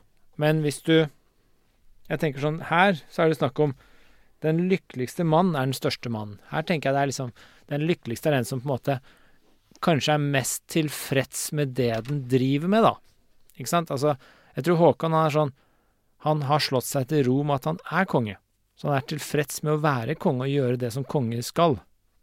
Det er ikke noe annet han skal. Han lurer ikke på om han skal noe annet. Nei. Men Skule er jo ikke der i det hele tatt. Så Skule er jo ikke lykkelig sånn sett, han er, fordi han er splitta mye mer. Mens Håkon er mer hel. Mm. Så det er den form for lykke jeg tenker her, da. Og det er det som jeg syns er litt sånn vondt og vanskelig i stykket her. Altså Håkon er på en måte på én måte helten, men han er jo også så ut, litt sånn enfoldig, som du sa. Han er ikke noe sånn Kanskje ikke den du kjenner deg mest igjen i, ikke sant. Nei. Det er jo også interessant hvis man studerer karakterene her, å få, få et innblikk i, i hva de vil, og hva de er redde for. Vi har jo snakket om Skule. Han er redd for å Redd for den, det han vet innerst inni seg, at han ikke er den rette konge. Ja. Eh, Når det gjelder denne bisp Nikolas, som er en, machiavel, en machiavellisk skikkelse, og ganske filosofisk også, må jeg si, Mm. Der kommer det jo frem i tredje akt hvor han ligger på sitt på, ved sin død, og han er livredd for døden. Han er livredd for å ikke få gjort mer. Mm. Det er hans kjepphest. Ja, Den kjenner jeg også. Kjenner du på den? Ja, den kjenner jeg. Det er Det sånn- jeg syns nesten det var noe av det mest konfronterende. Ja. Dette i tredje stykket. Dette at du ligger for døden. Du kan ikke stoppe det. Nei. Ting som er utenfor min kontroll, Mm. det sliter jeg med. Og så sier han jo jeg, det var så mye mer jeg skulle ha gjort. Og det er røft å ta inn over seg. Du skulle ha gjort så veldig mye mer. Uff. Men den, eh, ja, den stakk på meg, altså. Det vel, jeg tror det, altså jeg er jo oppriktig redd for døden på mange måter. Ja. Altså jeg er sånn, jeg vil ikke dø akkurat nå. Det har jeg ikke tid til. Og da er det sånn, hva er, dette er jo filosofen lurt på i alle år, ikke sant? hva er det som er så galt med å dø? Det er ikke noe fælt å være død, for det er jo bare intet, mest Mm. sannsynlig. Det er ikke noe smerte og Men det er jo alt du går glipp av, ikke sant? Det er alt det du ikke fikk gjort. Så det er en negasjon. Døden er alt det du ikke fikk gjort. Det er det som er så kjipt med å være død. Har du opplevd det å sitte på kvelden eksempel, med et glass øl med noen, eller hva som helst, og så plutselig så kommer det et sånt vindkast av dødsfrykt over deg? Hele tiden. Det syns jeg er ufattelig ubehagelig. Ja. Nei, men Det er noe med den erkjennelsen at du erkjenner at du kanskje skal dø. Du klarer ikke å holde på den veldig lenge, men den stikker dypt når den først stikker, da. Eh, men den kjente jeg på biskopen, da, når han var liksom helt på slutten der. Ja, og det Det er også denne talen han holder for Skulle og Håkon, Mm. som gjorde litt uh, inntrykk på meg. Um, jeg kan se om jeg finner det frem her. Her kommer det. Hvor er du nå? Uh, det er altså på side 176, til høyre nederst. Mm. Og det er når bisp Nikolas han skjønner hva som kommer. Han skjønner at det blir, kommer til å bli krig mellom dem. Så han prøver en, et siste forsøk på å rydde opp Mm. ved å foreslå at de begge styrer. Mm. Noe som Håkon ikke kan akseptere. Men så kommer bisp Nikolas sin tale hvor han skal, Man kan kalle det skrifter for Håkon og Skule. Håkon sier 'Eders øye er alt sløvt', og så svarer bisp Nikolas 'Ja, mitt syn er sløvt. Jeg kan knapt se seer der de står, men inni meg drar mitt liv lysende klart forbi. Jeg ser syner der. Hør og lær, konge. Min ett var den mektigste i landet. Mange store høvdinger gikk ut fra den. Jeg ville være den største av dem alle. Jeg var ikke mer enn gutt da jeg begynte å hungre efter storverk. Jeg tyktes jeg umulig kunne vente til jeg ble voksen. Der reiste seg konger med mindre rett enn jeg. Magnus Erlingssønn, Sverre prest. Jeg ville også være konge, men høvding først. Det var nødvendig. Så skulle slaget stå på Lillevollene. Illevollene. Det var det første gang jeg var med. Solen rant, og der gikk glitrende lyn fra tusen blanke våpen. Magnus og alle hans menn gikk frem som til en lek. Jeg alene kjente meg klemt om hjertet. Hårt for vår fylking frem, men jeg kunne ikke vinne med, jeg var redd. Alle Magnus' andre høvdinger stred mannelig, og mange falt der de stred. Men jeg flyktet stenberget oppover, løp og løp, og stanset ikke før jeg kom ned til fjorden igjen, langt ute. Mang en gang måtte Mang en mann måtte vaske sine blodige klær i Trondheimsfjorden den kveld. Jeg måtte også vaske mine, men det var ikke for blod. Ja, konge, jeg var redd. Skapt til høvding og redd. Det slo ned som et lyn i meg. Jeg ble hver mann ond fra den time. Jeg ba lønnlig i kirkene, jeg gred og knelte for altrene, og ga rike gaver, gjorde hellige løfter. Jeg fristet og prøvde i slag efter slag, ved Saltesund, på Jonsvollene den sommer baglerne lå i Bergen. Alltid fåfengt. Sverre var den som skjønte det først. Han talte det høyt ut og med spott, og fra den dag lo hver mann i flokken når Nicolas Arneson gikk frem i hærklær. Redd, redd. Og enda ville jeg være høvding, ville være konge. Følte meg skapt til konge, forresten. Kunne fremmet Guds rike på jorden. Men det var de hellige selv som stengte bommen for meg. Everyone knows therapy is great for solving problems, but getting therapy has its own problems too, like finding the right therapist, fitting into their schedule, and of course, the cost. Well, BetterHelp can solve those problems. It's totally online and built around your schedule. It's surprisingly affordable too. Connect with a credentialed therapist by phone, video, or online chat, all from the comfort of your home. Visit betterhelp.com to learn more and save 10% on your first month. That's BetterHelp, H E L P. Millions of people have lost weight with personalized plans from Noom, like Evan, who can't stand salads and still lost 50 pounds. Salads, generally, for most people, are the easy button, right? For me, that wasn't an option. I never really was a salad guy. That's just not who I am. But Noom worked for me. Get your personalized plan today at Noom.com. Real Noom user compensated to provide their story. In four weeks, the typical Noom user can expect to lose one to two pounds per week. Individual results may vary. Er trist, egentlig.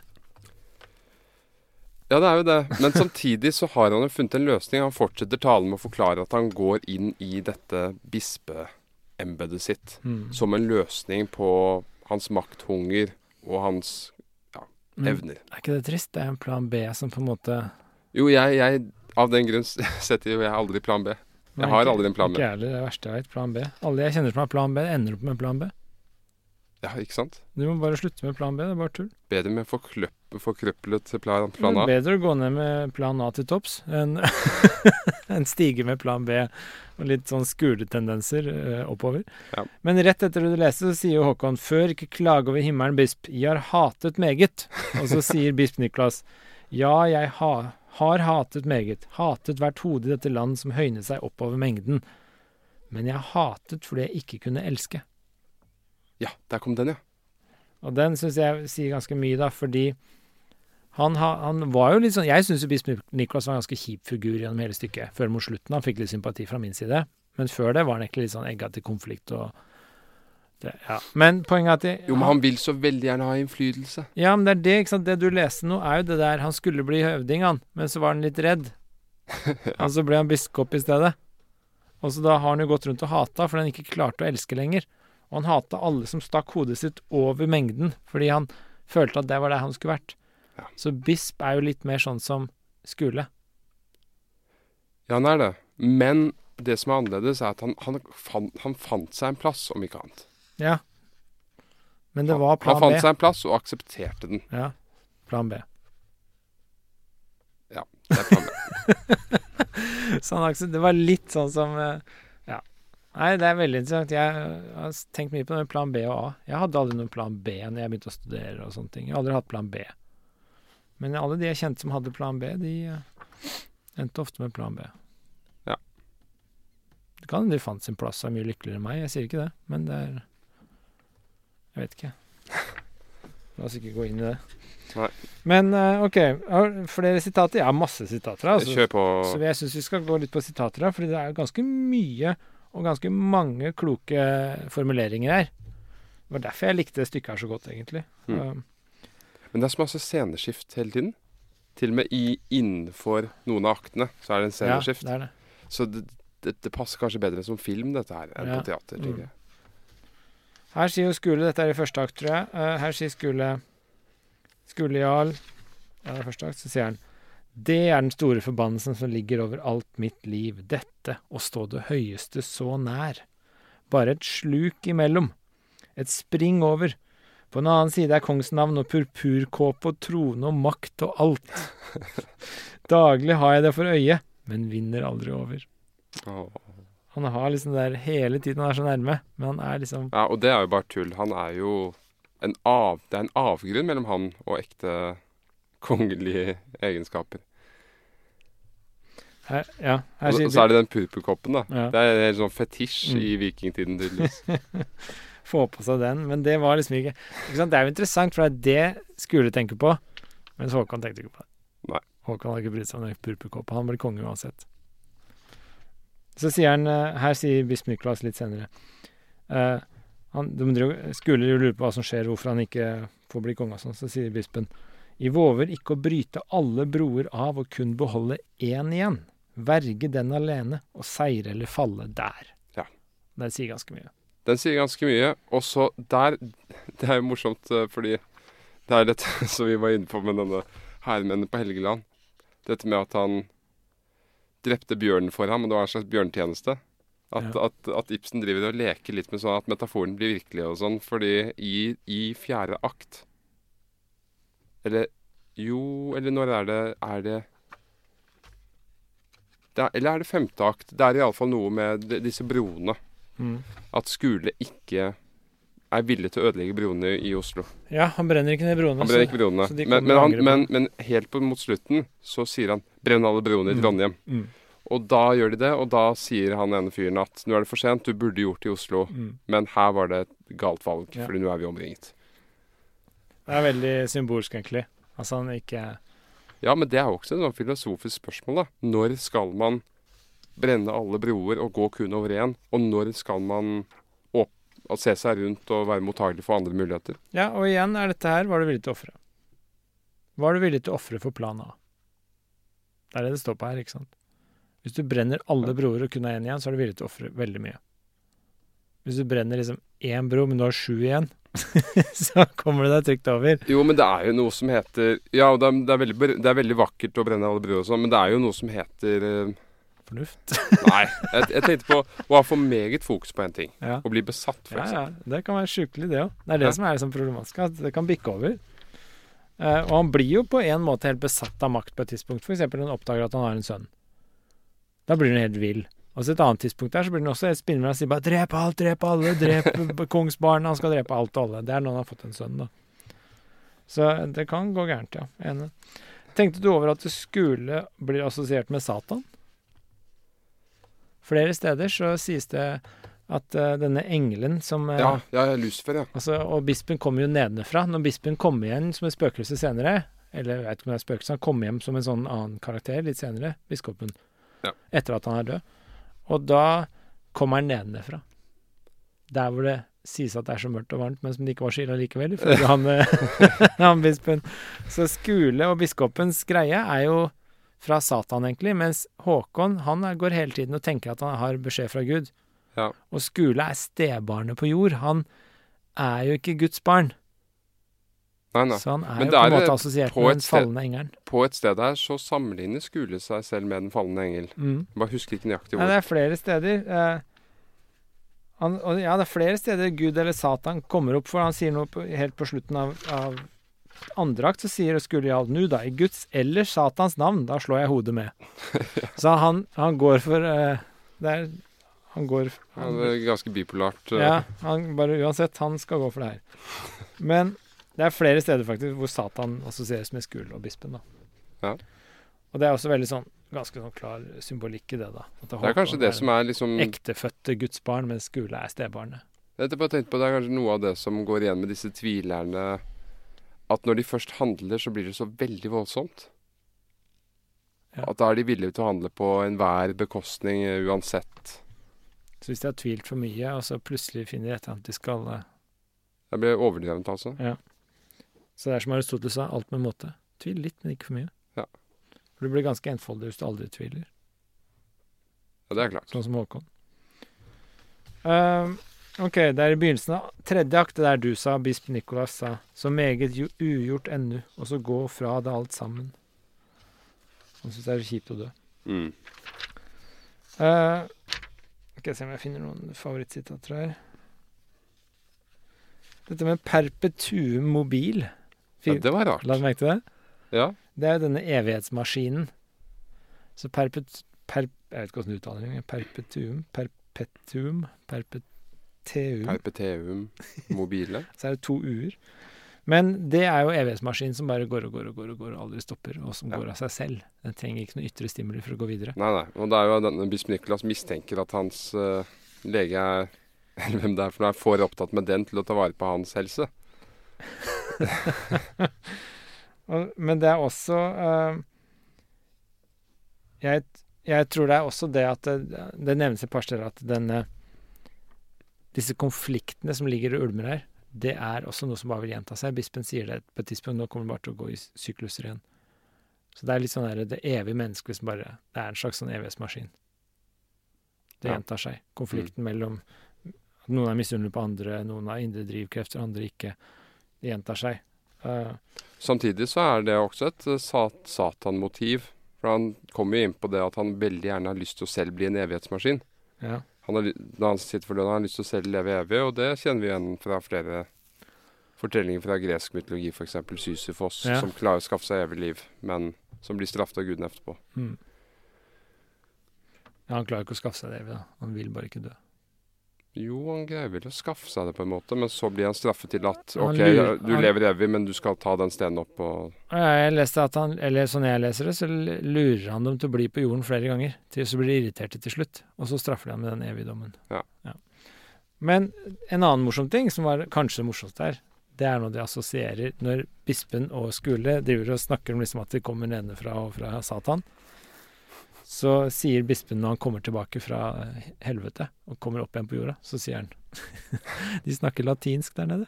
Fikk du med den? Ja, ja, ja. Så han har fått øvd seg litt på latinsk. Så latin florerte ned i helvete. Du måtte kunne Ja. latin for å komme inn der. Han klager over det i tredje akt, at han har vært litt dårlig på latin.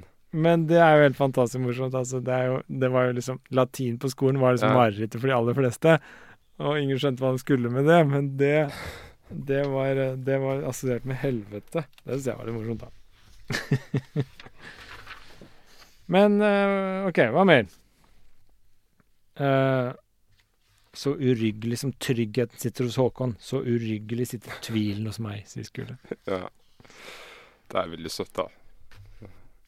Uh, Altså, han har jo, som Jatkei sier, han har jo potensialet da, til å ikke tvile over tvilen sin. Han tviler jo faktisk så mye at han At han kan innse det. Da, han avslører det jo av og til. Ja, Ja. jeg tviler. Jo, men han lever jo til tider på en løgn så til de grader. Altså her på side 179 så sier han Men jeg er konge, der må ingen konge være over meg. Jeg er ikke skapt til å tjene eder, jeg må styre og råde selv, sier Skulle. ja. Det er jo ikke sant. Eller det er kanskje sant, men han er, han er jo ikke skapt til å være konge. Nei, altså faktisk eh, Han sier 'jeg er ikke skapt til å tjene eder'. Det kan være sant. Han er ikke skapt til å tjene noen, selv om han ikke klarer å styre. Så egentlig så burde han vært en naver. Eller noe sånt. Hvordan da? En som verken styrer eller tjener. Jeg må Ja. Men han sier jo 'jeg må styre rådet selv'. Ja. Eh, Altså, han sitter jo litt keitete til her hvis han verken vil styre eller tjene. ja, altså, han vil ikke Det er det som skjer i fjerde akt. Han er blitt konge, han vil ikke det heller. Nei, nei. Men jeg, ja, han er bare en sånn som ikke Han er sånn Altså, i, i for, lykkeforskning så sier man ofte at du har en sånn set point, som er at du har et sånn lykkenivå, som gjør at eh, hvis det skjer noe fælt, hvis noen dør rundt deg, så dupper det nivået, ikke sant, så blir du mer ulykkelig. Men du kommer ganske kjapt tilbake til normalen igjen. Og hvis det skjer noe veldig positivt, hvis du vinner i Lotto f.eks., så går du veldig opp litt, grann, men så kommer du kjapt ned på normalen igjen. Så har du din lykkeset point. Og den er ganske stødig. Og noen har den lavere enn andre og er mer ulykkelig, og noen har den høyere og er mer lykkelig. Men duppene opp og ned, de, de går fort tilbake til normalen, da. Det er litt sånn kjipt, men sant. Og hvis det dør noen rundt deg, så blir det fort relativt samme lykkenivå. Og Skule har nok den bare hele tiden litt lavere, kanskje. Ja. Mens Håkon har den hele tiden litt høyere. Er det mulig å måle det, hva som er vanlig og ikke? Nei, altså de har gjort sånne longitudinal studies, sånne langtidsstudier, hvor de sjekker liksom hvor, hvordan folk har det, da. Og gjennom forskjellige faser og kriser og sånn. Og så er det overraskende mange som kommer tilbake til normalen etter kriser. Så ja. Men det var Ja. Mm. Uh, OK. Uh, er det noe med Hva mer? Det er jo på en måte lite som skjer her. Ikke sant? Det er litt sånn traurig å lese gjennom. Men jeg syns karakterene var ganske sånn De stakk litt for meg. Også. Det gjorde litt vondt for meg å lese den her. Jeg, jeg tror det gjorde mer vondt enn kjedelig. Skjønner du? Jeg skjønner. Det var en vi leste tidligere som var litt mer sånn kjedelig. Hvem var det? Det var Eh, Tenker du på Var det kjærlighetskomedie som var litt sånn kjedelig? Eller? Kjærlighetskomedie var jo litt, litt kjedelig. Det skjedde liksom ingenting. Men det var interessant med Falk og Svanhild, Ja. da. Men her sånn så Jeg leste den ganske lett, men jeg bare syns det var litt sånn faen. Men på både dette stykket og det forrige så opplever jeg jo at Ibsen Ibsen er ikke blitt så god på underholdning Mm. helt ennå. Det er, veldig, det er veldig mye fokus på at de store tanker eh, skal frem. Ja. Du mener han ikke har blitt den gode dramatikeren han blir enda? Han er nesten større filosof enn dramatiker på Ja. et tidspunkt. Så Mm. jeg.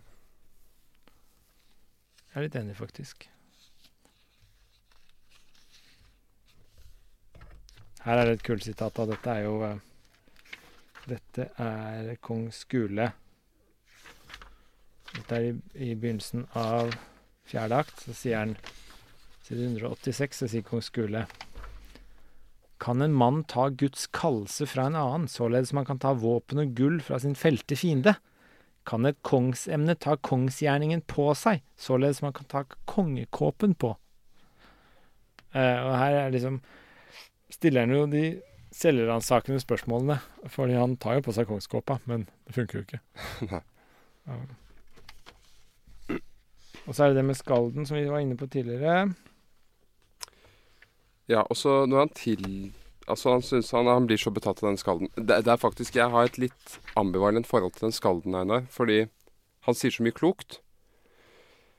Men akkurat som at Håkon er litt endimensjonal, så er Jatgeir nesten litt for klok. Ja. Altså, han, han er Ibsens egen stemme, på en måte, som kommer Mm. inn og forteller sannheten. Men han spiller egentlig ikke noe større rolle i dramaet enn at han bare sier alt som er sant. Mm. Ja, han er Jeg også, syns det er litt problematisk. Så hver gang han sier noe sånn kjempelurt, så går han. Ja. Siste Ja, det er sånn sier mic drop. Sist han sier noen kjempelur greie, og så bare går han. Så blir du stående hjemme og lure på hva det var innholdet i den her. Men han er jo ganske morsom et sted her, på side 187. Så står de og snakker Jatgeir og kong Skule. Og så spør han når han ble skald, og så sier han dette som vi var inne på tidligere, med sorgens gave. Og så, uh, og så sier kong Skule, hva trenger jeg? Til Jatgeir. Og så sier Jatgeir, herre, I er jo konge. Tror du til hver tid så Nei, tror du til hver en tid så visst at du er skald? Så sier Jatgeir, han ser en stund taus på ham, og så spør han, har jeg aldri elsket? sier han til Skule. Jo, en gang, brennende fagert og i brøde. Jeg har en hustru, sier Jatgeir. Henne tok jeg til henne tok jeg til å føde meg sønner. Så han har ikke elska henne, ikke sant? Jatgeir, men jeg har en datter, herre, en mild og herlig datter. Kong Skule, var min datter en sønn, så spurte jeg ikke hva, deg hva gave jeg trengte. Jeg må ha noen om meg som lyder meg uten vilje selv, som tror usvikelig på meg, som vil holde seg innerst i meg i godt og ondt, som kun lever for å lyse og varme over mitt liv. Må dø om jeg faller.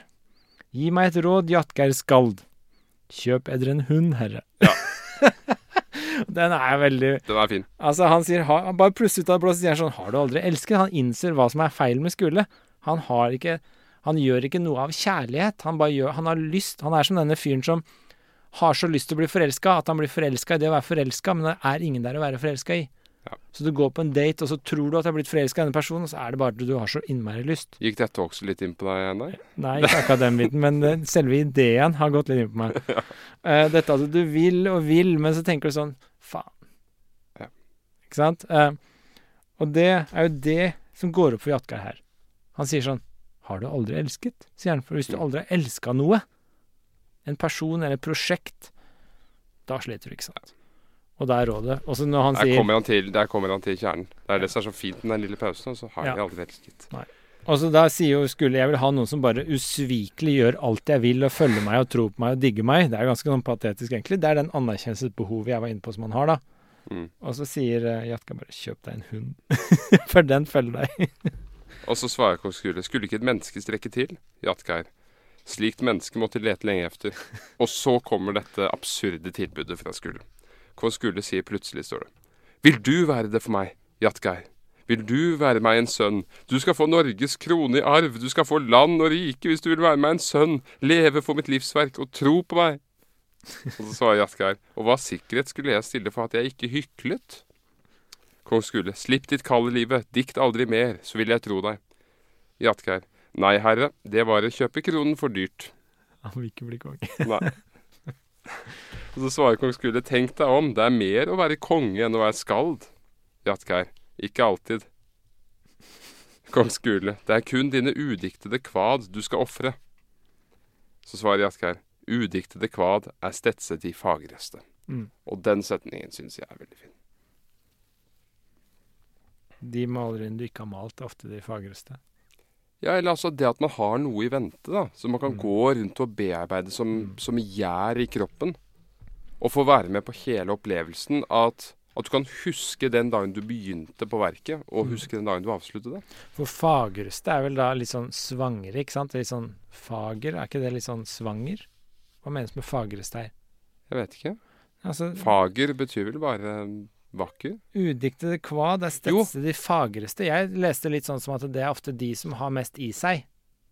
Ja, jeg har faktisk sett på etymologien til fager før. Ja. Jeg mener å huske at fager og vakker har samme bakgrunn.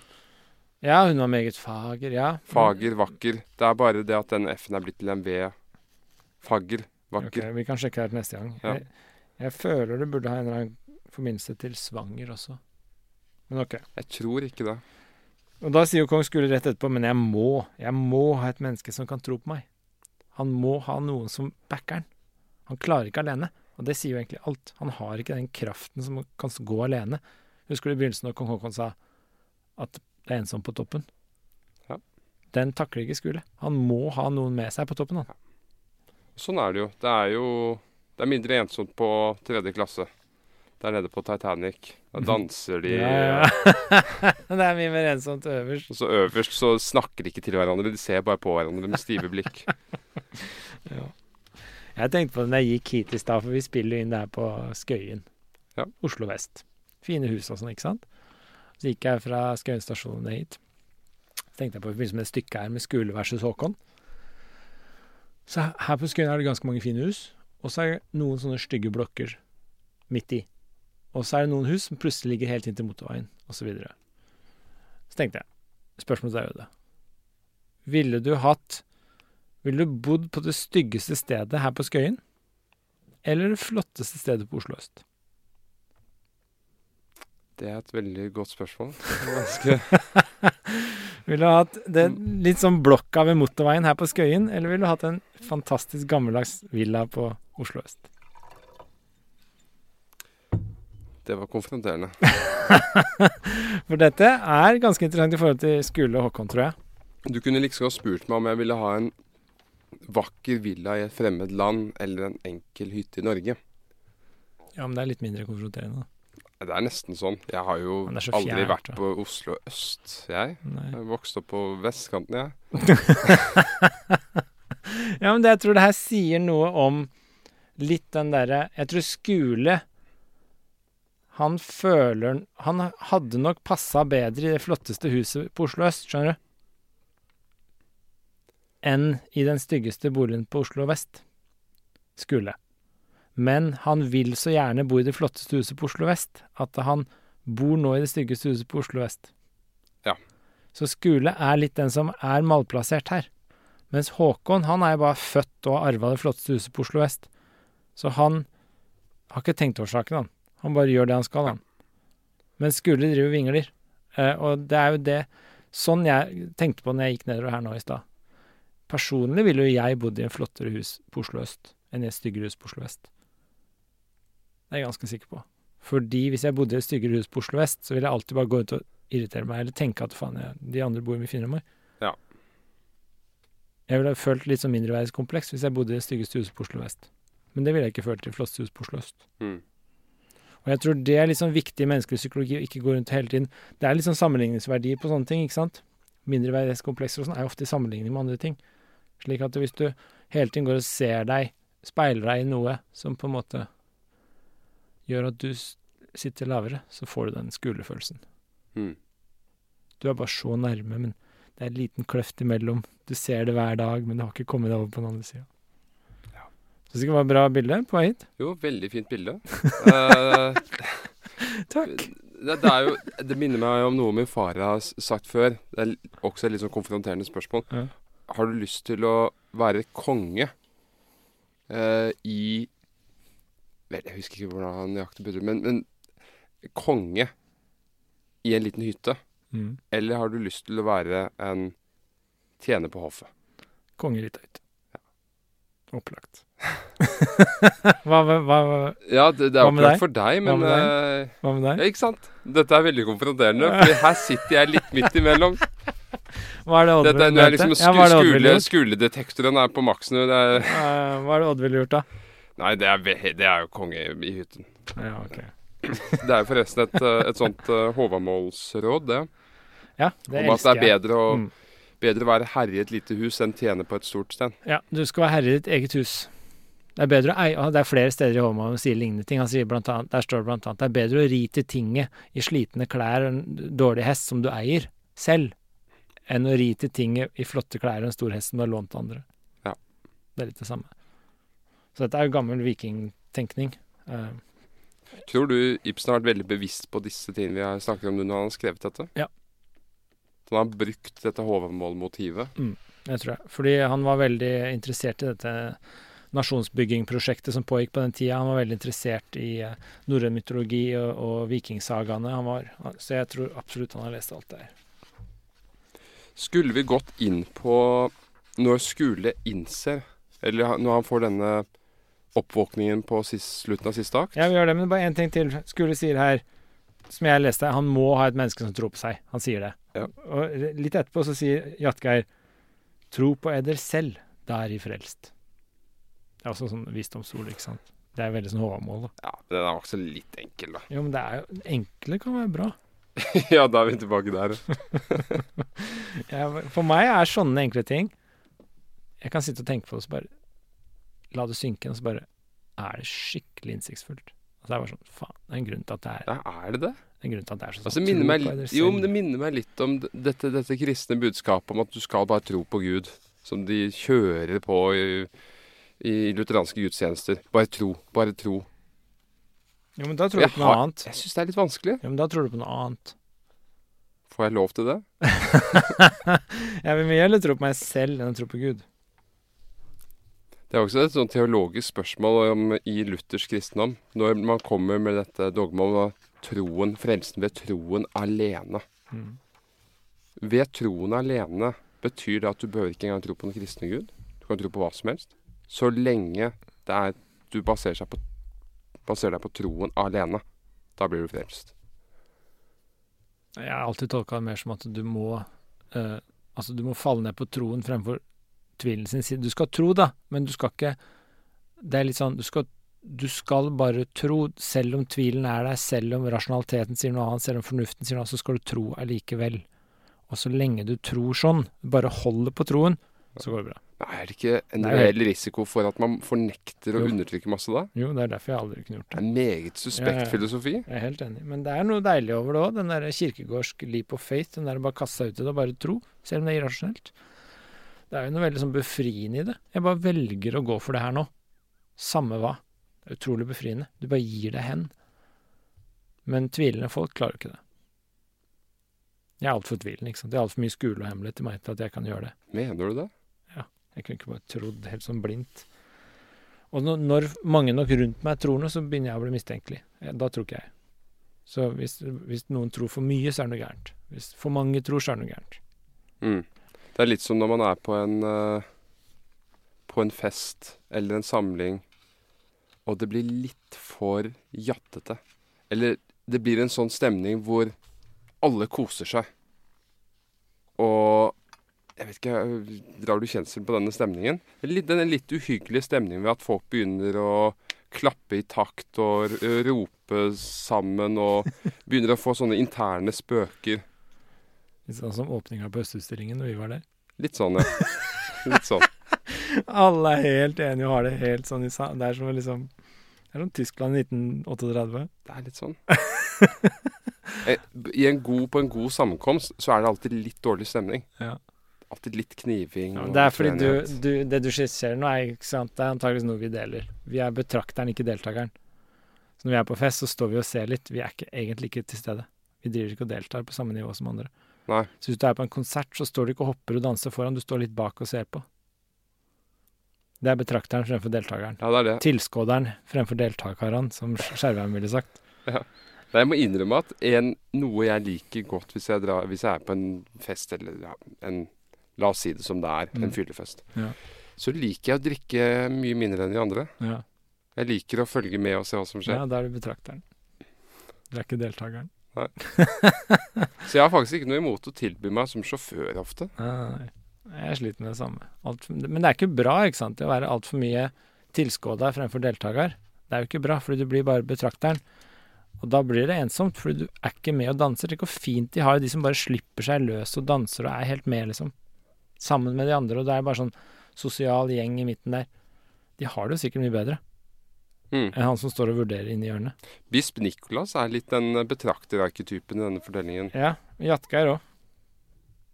Ja. Skule er den som prøver å delta, men som alle syns er litt sånn kleint, driver og danser ut på dansegulvet. Mens Håkon er en naturlig midtpunkt som danser, alle danser med, og når han gjør en sving, så gjør de andre det etter han og sånn. Skule han som kommer inn litt sånn halvfull fra sida og danser og skaller litt borti noen, og det går litt gærent hele tida. Er det egentlig bare betamannen som prøver å bli alfa? Ja, jeg tror det er det som skjer med Skule, faktisk. Uh, ja. Her er en veldig fin sitat for deg, Ødde. Dette har du sikkert ikke hørt før. Dette er Skule som sier på side Helt i begynnelsen av femte akt, så sier han uh, Nei, nei, ikke hittil, men jeg vil være sterk og frisk nå. Jeg vil handle. Den er fin. Nå skal Skule handle. Han er jo deprimert til tider. Han ligger jo rett og slett i en depresjon og er sjuk. Han klarer ikke å reise. Han har apati, da. Han, han klarer ikke å gjøre noe. Han er, ligger bare nede. Og så driver du og maser på. Nå må du komme ut og tale til folk, og nå må du gjøre noe. Ellers så faller alt fra hverandre her. Du må være konge, liksom. Han klarer det ikke. Så kommer Peter, hans sønn, og sier 'nå må du komme'. Og da spretter han opp. Ikke la mitt rike falle, sier han vel. Husk på at du skal gi riket til meg. Da spretter han opp. Da vil han plutselig virke, for da har, Veldig vir- tydelig kristent motiv, da. da har noen å virke for. Peter. Ja. Peter og kirken. Mm. Tenkte Og- jeg ikke på, faktisk. Og så også dette her med, med tvil. Mm. Peter er jo på en måte apostelen for tvilen. Tvilens apostel. Han fornekter Jesus tre ganger. Tenkte jeg ikke på, faktisk. Det er jo en åpenbar link. Ja. At han heter Peter, den sønnen. Skal, hva var det du siterte ham på nå? Han skal arve riket, eller noe sånt? Ja, nei, for han sier jo liksom at han gidder ikke men Han er deprimert, så sier han Så motiveres han ved at Peter sier husk på at du Jeg skal arve riket, så du må ikke la det glippe nå, for du skal gi det til meg. Ja. For, for han skule sliter med at han sier det er mye lettere å gi bort det som ikke er ditt. Og, Ja. og så sier han Peter ja, men det er mitt. Du må ikke gi bort. Du kan gi, du kan gi det bort. Du kan ikke gi det til noen andre. Det er veldig morsomt. Men ok, da spretter han i hvert fall opp, da. Så han blir kurert av depresjonen sin når han plutselig innser at han har en sønn å leve for. Selv om det kanskje ikke er sønnen hans. Jeg hadde litt mine tvil om det var sønnen hans. Ja, jeg, synes jeg det virker veldig Så hvis jeg var mora, da, så ville jeg også sagt det var sønnen hans. For da kunne han bli konge. Ja, det, det motivet kommer jo Det er jo fra Inger til Østerått også. Mm. Det at mødre vil veldig gjerne at sønnene deres skal bli konger. Her, Jeg likte på side 196, så sier Bård Bratte. Her er hver mann konge. Ti her gjelder det livet. Så sier han. Stå opp, skule Bårdsønn. Er du konge, så ligg ikke der og styr landet. så det er litt sånn Det er en tak i. Den liker jeg. Hvis du er konge, ligg ikke der og styr landet. Du skulle gjerne sett at folk hadde motet til å snakke sånn i dag. Mm. Tenk på arbeidsplassen, hvis man sier det til sjefen. Hallo! Stå opp og vær sjef for AS-et vårt. Arne Johansen, er du sjef, så ligg ikke der og styr bedriften. ja, nei, det er tak i det. Jeg syns det var litt sånn punch i den, da. Nå har du vært sykemeldt i to uker. Ligg ikke der og styr bedriften. Du er intet sjefsemne. Uff da. ja. Men det er, det er ganske mye sånn overføringsverdi til vår tid, disse Ibsen-stykkene vi leser. Det er jo ikke forskjell. Er veldig- Makt er makt uansett hvilken tid. Er Tjener er tjener. Ja.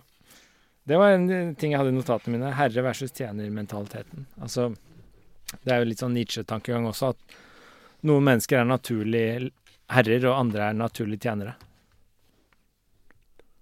Ja. Og Håkon er naturlig herre. Vi lever, jo, vi lever vel litt i en sånn tid også, at vi lever i en tid hvor veldig mange mennesker har lyst til å bli herrer. Ja. Det- mennesker har lyst til å bli sett, bli superstjerner, Ja. hva som helst. Og så er spørsmålet kan de, kan de takle det.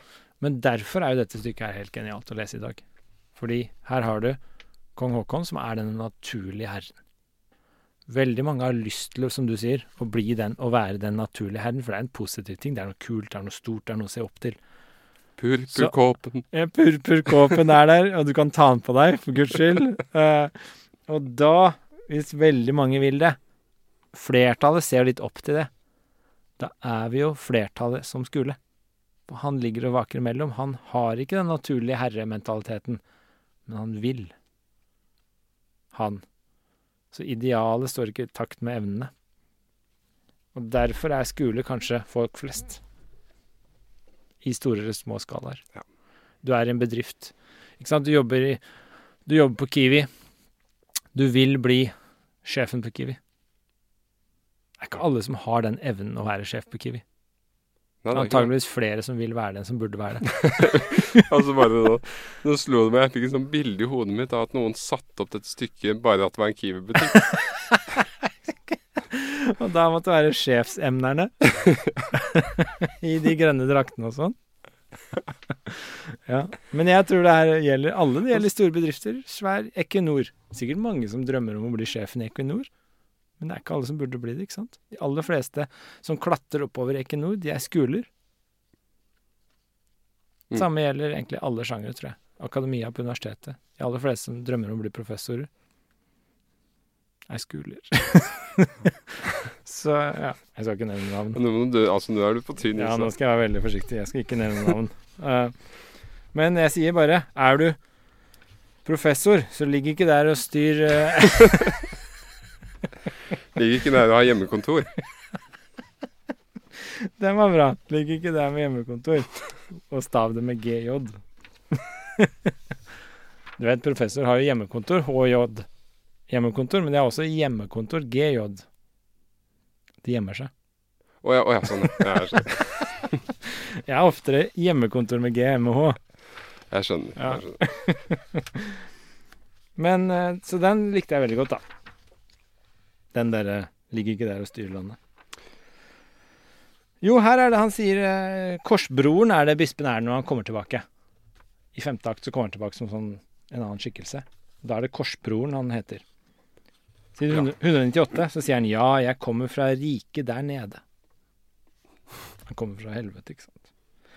Fra riket som alltid så stygt blir malt, og du kan tro det er ikke så galt. Ja, Det er ingen nød med den sv svare hede.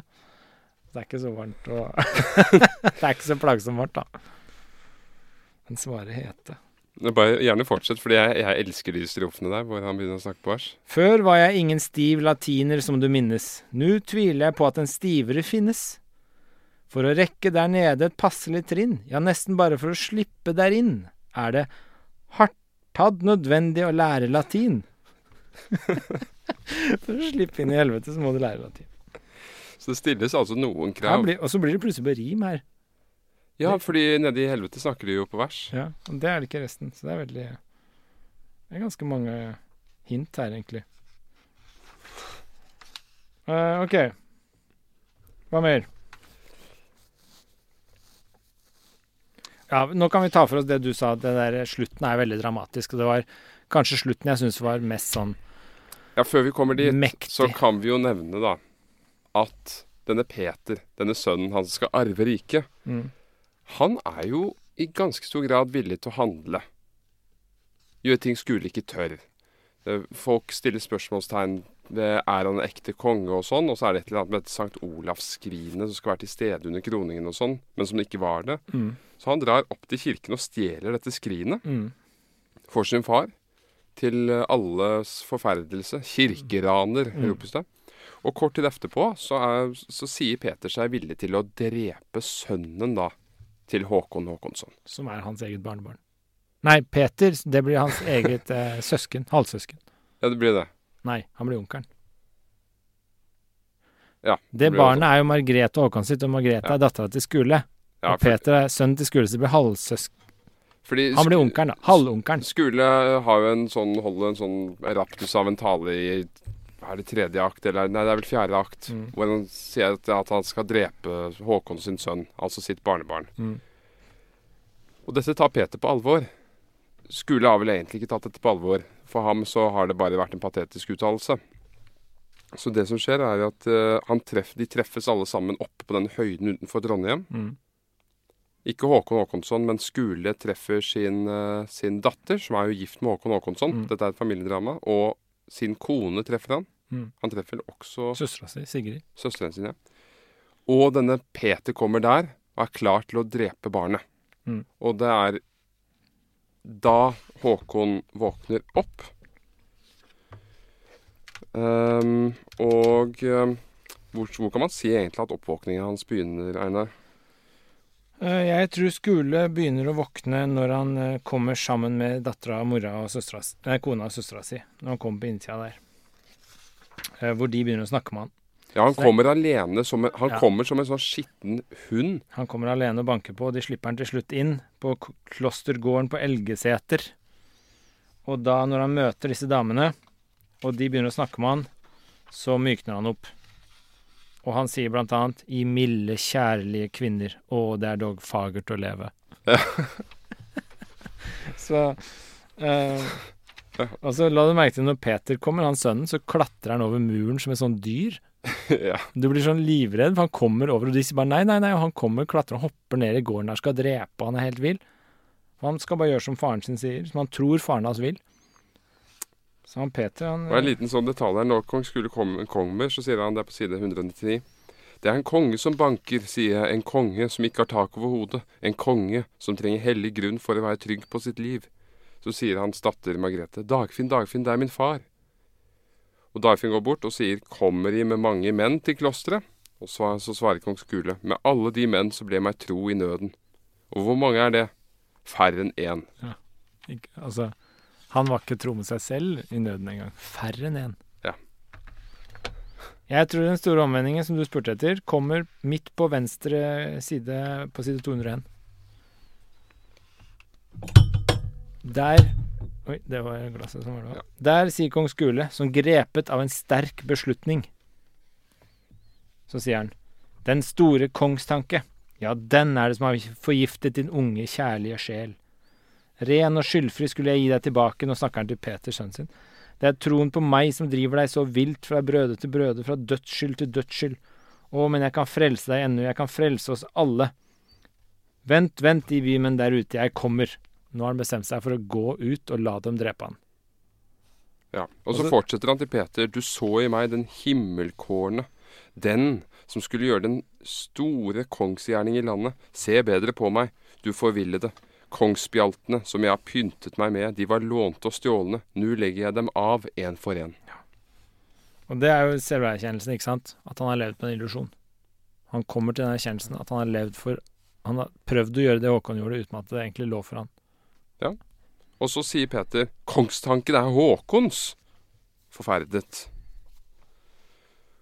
Og så siterer kong Skule sin, eh, sin skald. Jeg hadde en venn som blødde for meg i Oslo. Han sa en mann kan falle for en annens livsverk, men skal han bli ved å leve, så må han leve for sitt eget. Jeg har intet livsverk å leve for. Jeg kan ikke leve for Håkons heller, men jeg kan falle for det. Ja, Og nå har han, nå har han tatt avgjørelsen. Litt lenger ned så sier han Der gis menn som skaptes til å leve, og menn som skaptes til å dø. Min vilje ville alltid dit hvor ikke Guds finger pekte for meg. Uff. Derfor så jeg aldri veien klart før nå. Så nå Ja. Og nå syns jeg det ble litt sånn røft, da, men nå eh, kommer han jo til en erkjennelse av en sannhet. Og da eh, sier Det, det syns jeg er veldig sånn Det er jo her som liksom den store omvendingen til skole skjer, helt på tampen.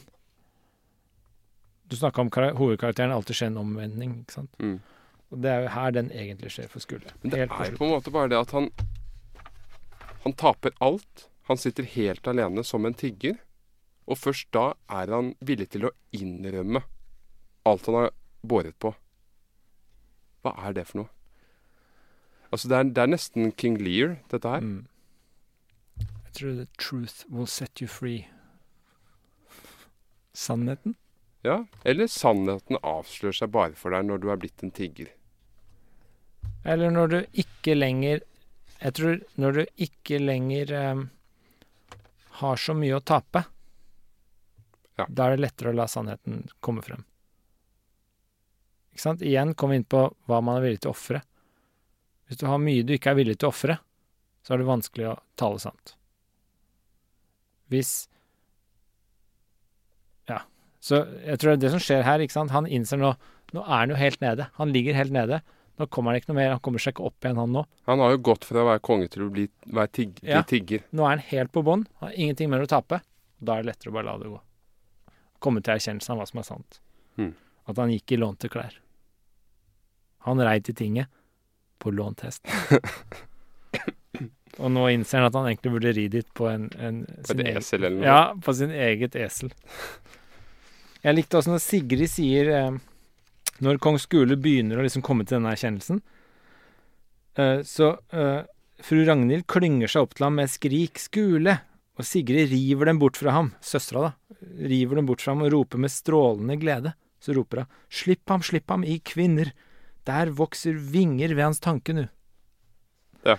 Det er i ferd med å ta av, ikke sant? Han er i ferd med å lette, for nå skjer det noe. Nå virker han. Nå er han i ferd med å virke. Ja, det må var litt av et syn i dag hvis noen som skulle begå selvmord At en av tilskuerne sa det. Nei, nei, nei, ikke stopp ham. Ja, ja. Nå har han en stor tanke. Ja, det er helt sjukt, egentlig. Det var derfor jeg var litt sånn Altså, på en måte så tenker jeg sånn Yeah! På en annen måte så tenker jeg sånn Faen, det er jo livsfarlig. så det er ikke helt ja, det, det er jo dette her som gjør disse stykkene litt sånn veldig filosofiske. Og det er, det, er, det er ikke mye naturalisme igjen i dem. Nei. For det er jo ikke naturlig å heie på et selvmord. Med mindre man misliker vedkommende, da. Jo, men det er jo uansett galt liksom, å, fremme et selvmord. Er ikke det? Jo, jeg tenker jo det. Det er det jeg er blitt oppdratt til å tro. Ja, Ja. jeg også, men det er jo det som skjer her. Altså, her er jo selvmordet en, en ærlig og hederlig handling. Selvmord til skole her er jo noe vi nesten ser opp til. Endelig ble han tro mot seg selv. Ja, jeg, jeg har litt vanskelig for å kjøpe den.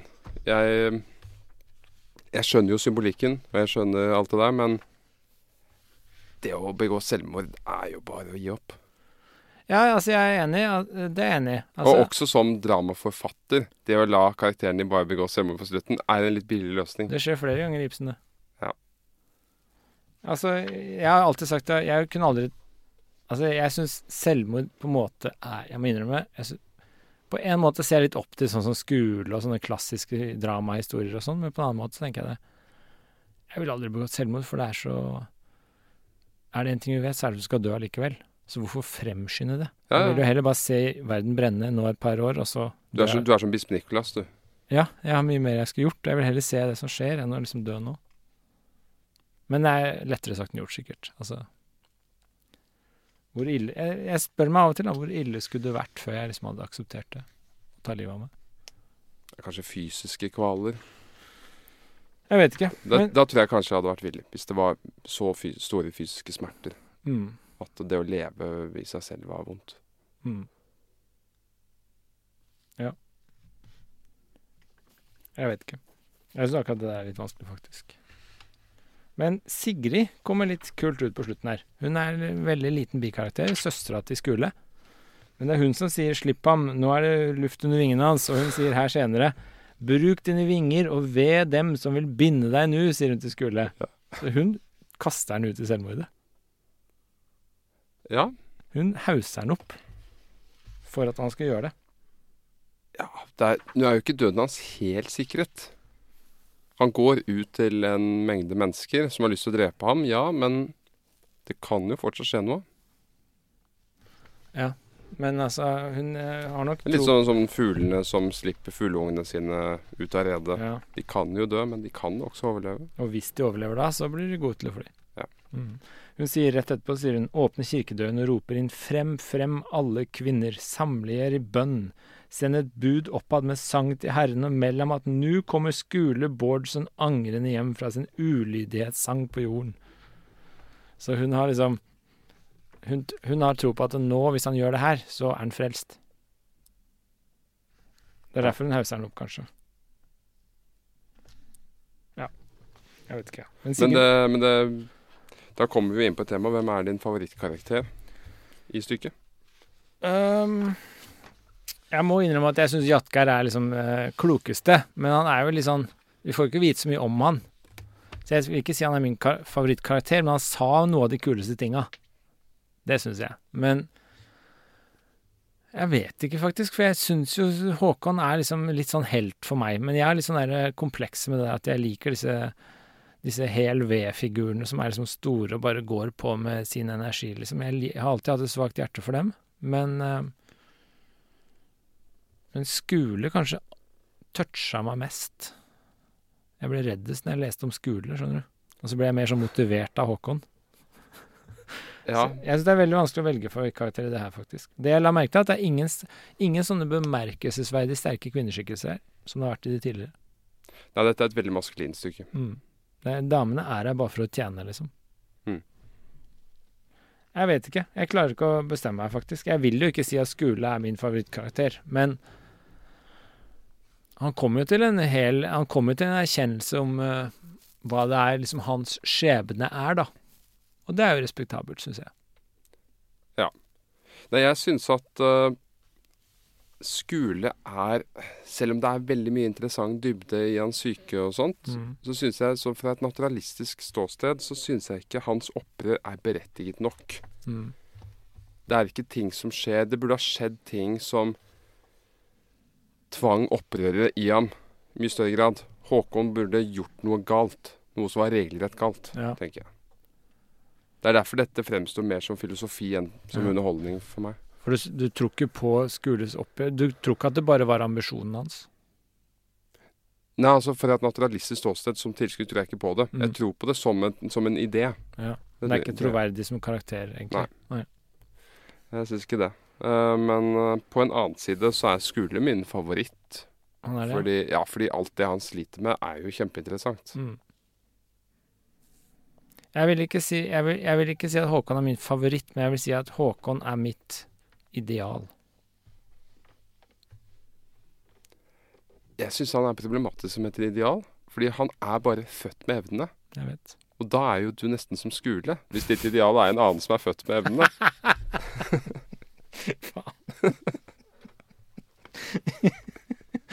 Ok, nå ble det enda vondere og vanskeligere å ta her. ja. Nei, jeg klarer ikke å Men jeg syns det er en veldig fin avslutning med Håkon. Jeg syns Håkon er ganske sympatisk til det, fordi han han, prøver, han vil jo ikke drepe Skule. Han prøver å la han slippe. Han oppfordrer han til å rømme landet, ikke sant. Han vil at noen skal gå og si 'røm landet', selv om han har fått en dødsdom. Så han prøver Han gir han alle mulige fluktmuligheter. Og det syns jeg det er litt ære over. Ja, det er litt sånn som han, hva heter han statsminister, var det Chamberlain og Hitler? Het han ikke, het han ikke Chamberlain? Uh, Churchill? Nei, han før Churchill. Han som var så opptatt av å lage fredsavtale med Hitler. Å ja, ja. Han som burde kanskje satt ned foten litt før. Mm, det sies jo så, men det er andre som sier at takket være ham så fikk de tid til å ruste seg opp til en krig. Okay. Så det er litt uenigheter. Ja, nei, jeg føler kanskje ikke Håkon er helt Men han var jo sånn for hver, for hver liten jordlapp Hitler tok fra Europa, så var det sånn Nei, vi må tidlig hit. Ja. Vi må la med fredsavtalen. Nei, Jeg føler ikke Håkon er der, for Håkon er mye mer personlig. Han er mye mer sånn Dette er jo på en måte Jeg tror han Ja, kanskje litt Kanskje han er der litt. Han, jeg tror han har et ønske om å skape ett folk. Og jeg tror han tenker at hvordan skal han skape ett folk, denne kongstanken? Det er jo ved å gravlegge stridsøksa med Skule. Og det prøver han flere ganger. Han gir nå en grevetittel, blant annet. Og så viser det at det funker jo ikke, for Skule er jo helt vill etter denne makta. Og så får han til slutt en dødsdom over seg, skulle, og da prøver han å få han til å rømme i stedet for å bli dømt. Han vil ikke skape splid, for han skal, vil skape et folk. Så jeg tror kongstanken driver Håkon. Mm. Og da er han litt pragmatisk. Men han er på en måte Jeg vet ikke, jeg syns han er ganske sånn solid og hel ved, så jeg tror kanskje Håkon er min favorittkarakter. Så blir han tvunget til å gå over lik på slutten. Ja, han må faktisk gå over Skule. Det han har forsøkt å unngå hele tiden, blir, blir han veldig konfrontert med. Ja. Hva er det her for noe? Her for noe? Han sier eh, Der kommer det Kong Skure, bla, bla, bla. Håkon. Stansende. Liket ligger meg i veien. Så svarer Dagfinn Bonde. Vil Håkon Håkonsson frem, så får han gå over Skule Bårdssons lik. I Guds navn, da, sier Håkon. Så stiger han over liket og kommer inn. Endelig kan de gå til kongsverket med frie hender. Der inne har de dem jeg elsker. I Nidaros ringes freden inn i landet, og der ute ligger han som veier verst av alle, sier Dagfinn Bonde. Håkon. Hver mann dømte ham galt, det var en gåte ved ham. En gåte, spør Dagfinn Bonde. Håkon griper han om armen og sier sakte.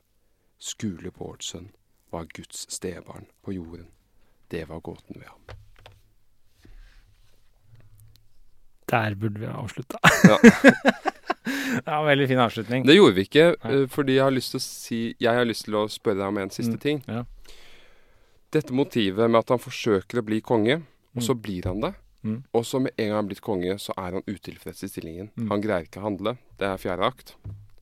Som min far sa, det, det, det merkelige stykket om en Mm. fyr som blir konge og ikke greier å få til noe. Mm. Hvordan kan man trene seg på å forstå hva det er man går inn i? Kunne han plassert seg selv i en situasjon hvor han kunne følt på hvordan det ville vært å være konge? Ja, altså jeg tror hvis Skule hadde kjent seg selv litt bedre Han kom jo til en selverkjennelse på slutten. Men hvis han hadde kjent seg selv litt bedre, og brukt litt empatiske evner Hvordan er det å være konge, og hvordan er jeg? Og så setter du dem sammen. Så burde du ha skjønt at det her ikke var noe for deg. Burde man det? Ja, jeg tenker det. Altså det Fordi det du snakker om nå, det er jo å teoretisere.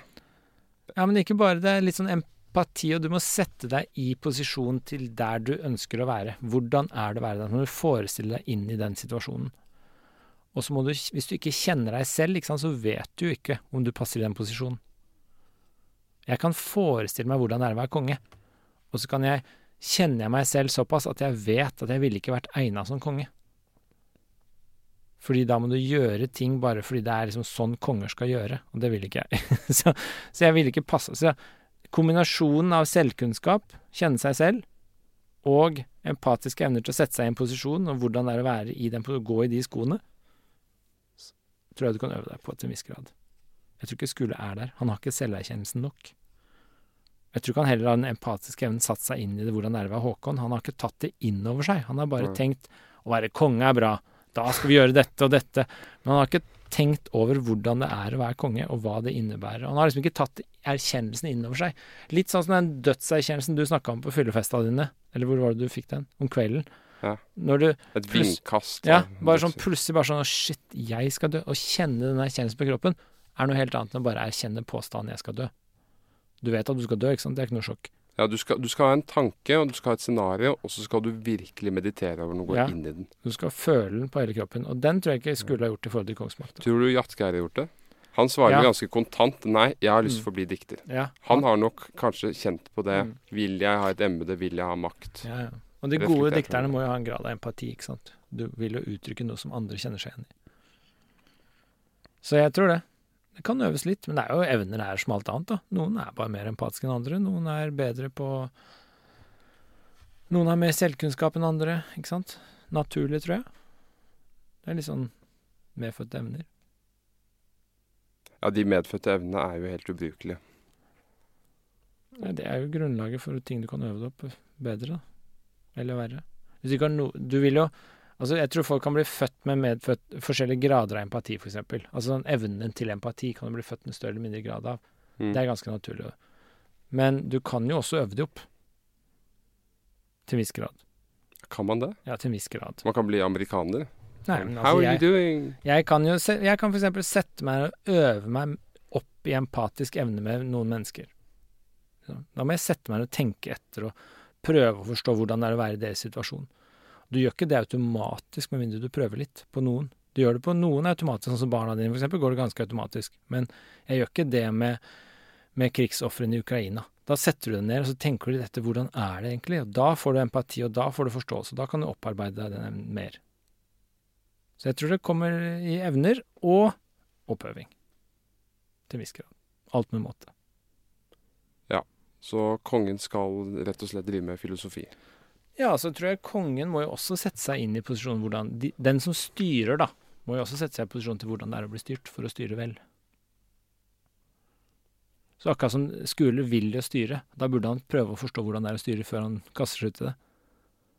Og omvendt. Ja, og omvendt. Og den som styrer Håkon, burde jo Og det tror jeg Håkon gjør, da. Han var jo kanskje det vi snakket om tidligere, dette med at han vil verken styre eller bli styrt. ja. Han var jo nesten i den situasjonen da han var jarl under kongen, eide en tredjedel av Norge. Ja.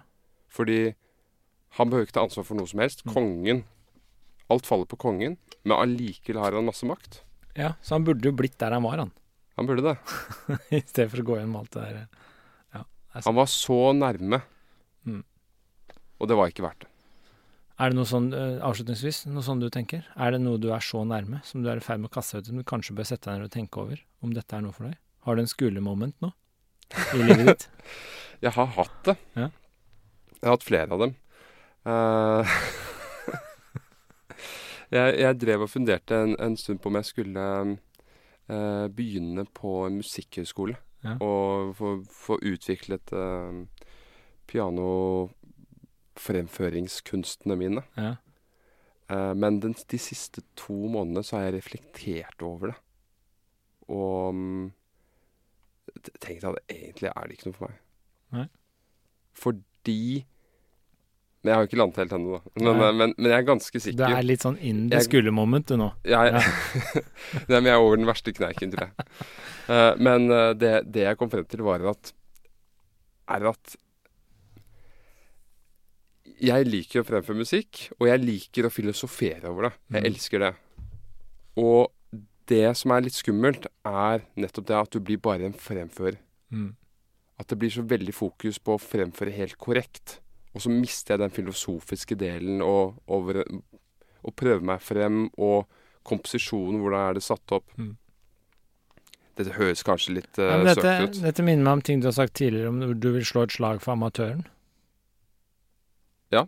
Altså, du vil ikke det er, en, det er en viss fare hvis du begynner å Jo mer proff du går inn i noe, at det blir proft, og at man fort mister litt gleden og entusiasmen og Ja, det er noen ting skal være på amatørnivået. Ja. Man skal ikke gå lenger. Nei. Jeg har det litt sånn med malerkunsten. Du har det litt sånn med musikk. Ja, det, det kan virke sånn. Ibsen hadde det med malerkunsten. Han ga seg jo, da, men han malte Han til å begynne med. seg, men liksom helt til det siste så påsto han at han kunne mer malerier enn de fleste Mm. andre. Nei, det er kanskje det er lærdommen å ta med oss i dag. Stille oss spørsmålet i hvilke områder, når, hvor og hva er det vi har våre skolemoments? Ja, og kanskje skole rett og slett skulle latt kongstanken bli en hobby. Ja. det er sant. kanskje Hva er kongstanken i ditt liv? Og bør du kanskje la det være en hobby? Ja. Det er lærdommen fra skole. Jeg tror vi avslutter der, ja. Veldig bra. og så blir det Brant neste gang. Det gleder jeg meg veldig til. Brand er jo vært min favoritt som tenåring blant Ibsen, og det jeg leste den gang, så var Brand min favoritt. Og du sa noe en gang sist etter sendingen at uh, At du kjente veldig mye igjen fra det, de stykkene vi nå hadde lest, på Brann. Så Mm. du har, et, du har et helt annet utgangspunkt nå enn du hadde før. Ja, så jeg kan jeg bli litt skuffa over Brann, men jeg håper ikke det, for det var en av mine favoritter. Det blir Det får vi spennende. svare på neste uke. Det blir spennende. Vi ses. Det gjør vi.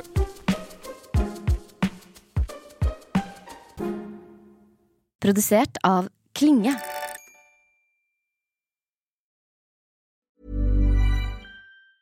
Planning for your next trip? Elevate your travel style with Quince. Quince has all the jet setting essentials you'll want for your next getaway, like European linen, premium luggage options, buttery soft Italian leather bags, and so much more. And is all priced at 50 to 80% less than similar brands. Plus, Quince only works with factories that use safe and ethical manufacturing practices. Pack your bags with high-quality essentials you'll be wearing for vacations to come with Quince. Go to quince.com slash pack for free shipping and 365-day returns. Hey, it's Paige DeSorbo from Giggly Squad. High quality fashion without the price tag. Say hello to Quince. I'm snagging high-end essentials like cozy cashmere sweaters, sleek leather jackets, fine jewelry, and so much more. With Quince being 50 to 80% less than similar brands. And they partner with factories that prioritize safe, ethical, and responsible manufacturing. I love that. Luxury quality within reach. Go to quince.com slash style to get free shipping and 365 day returns on your next order. Quince.com slash style.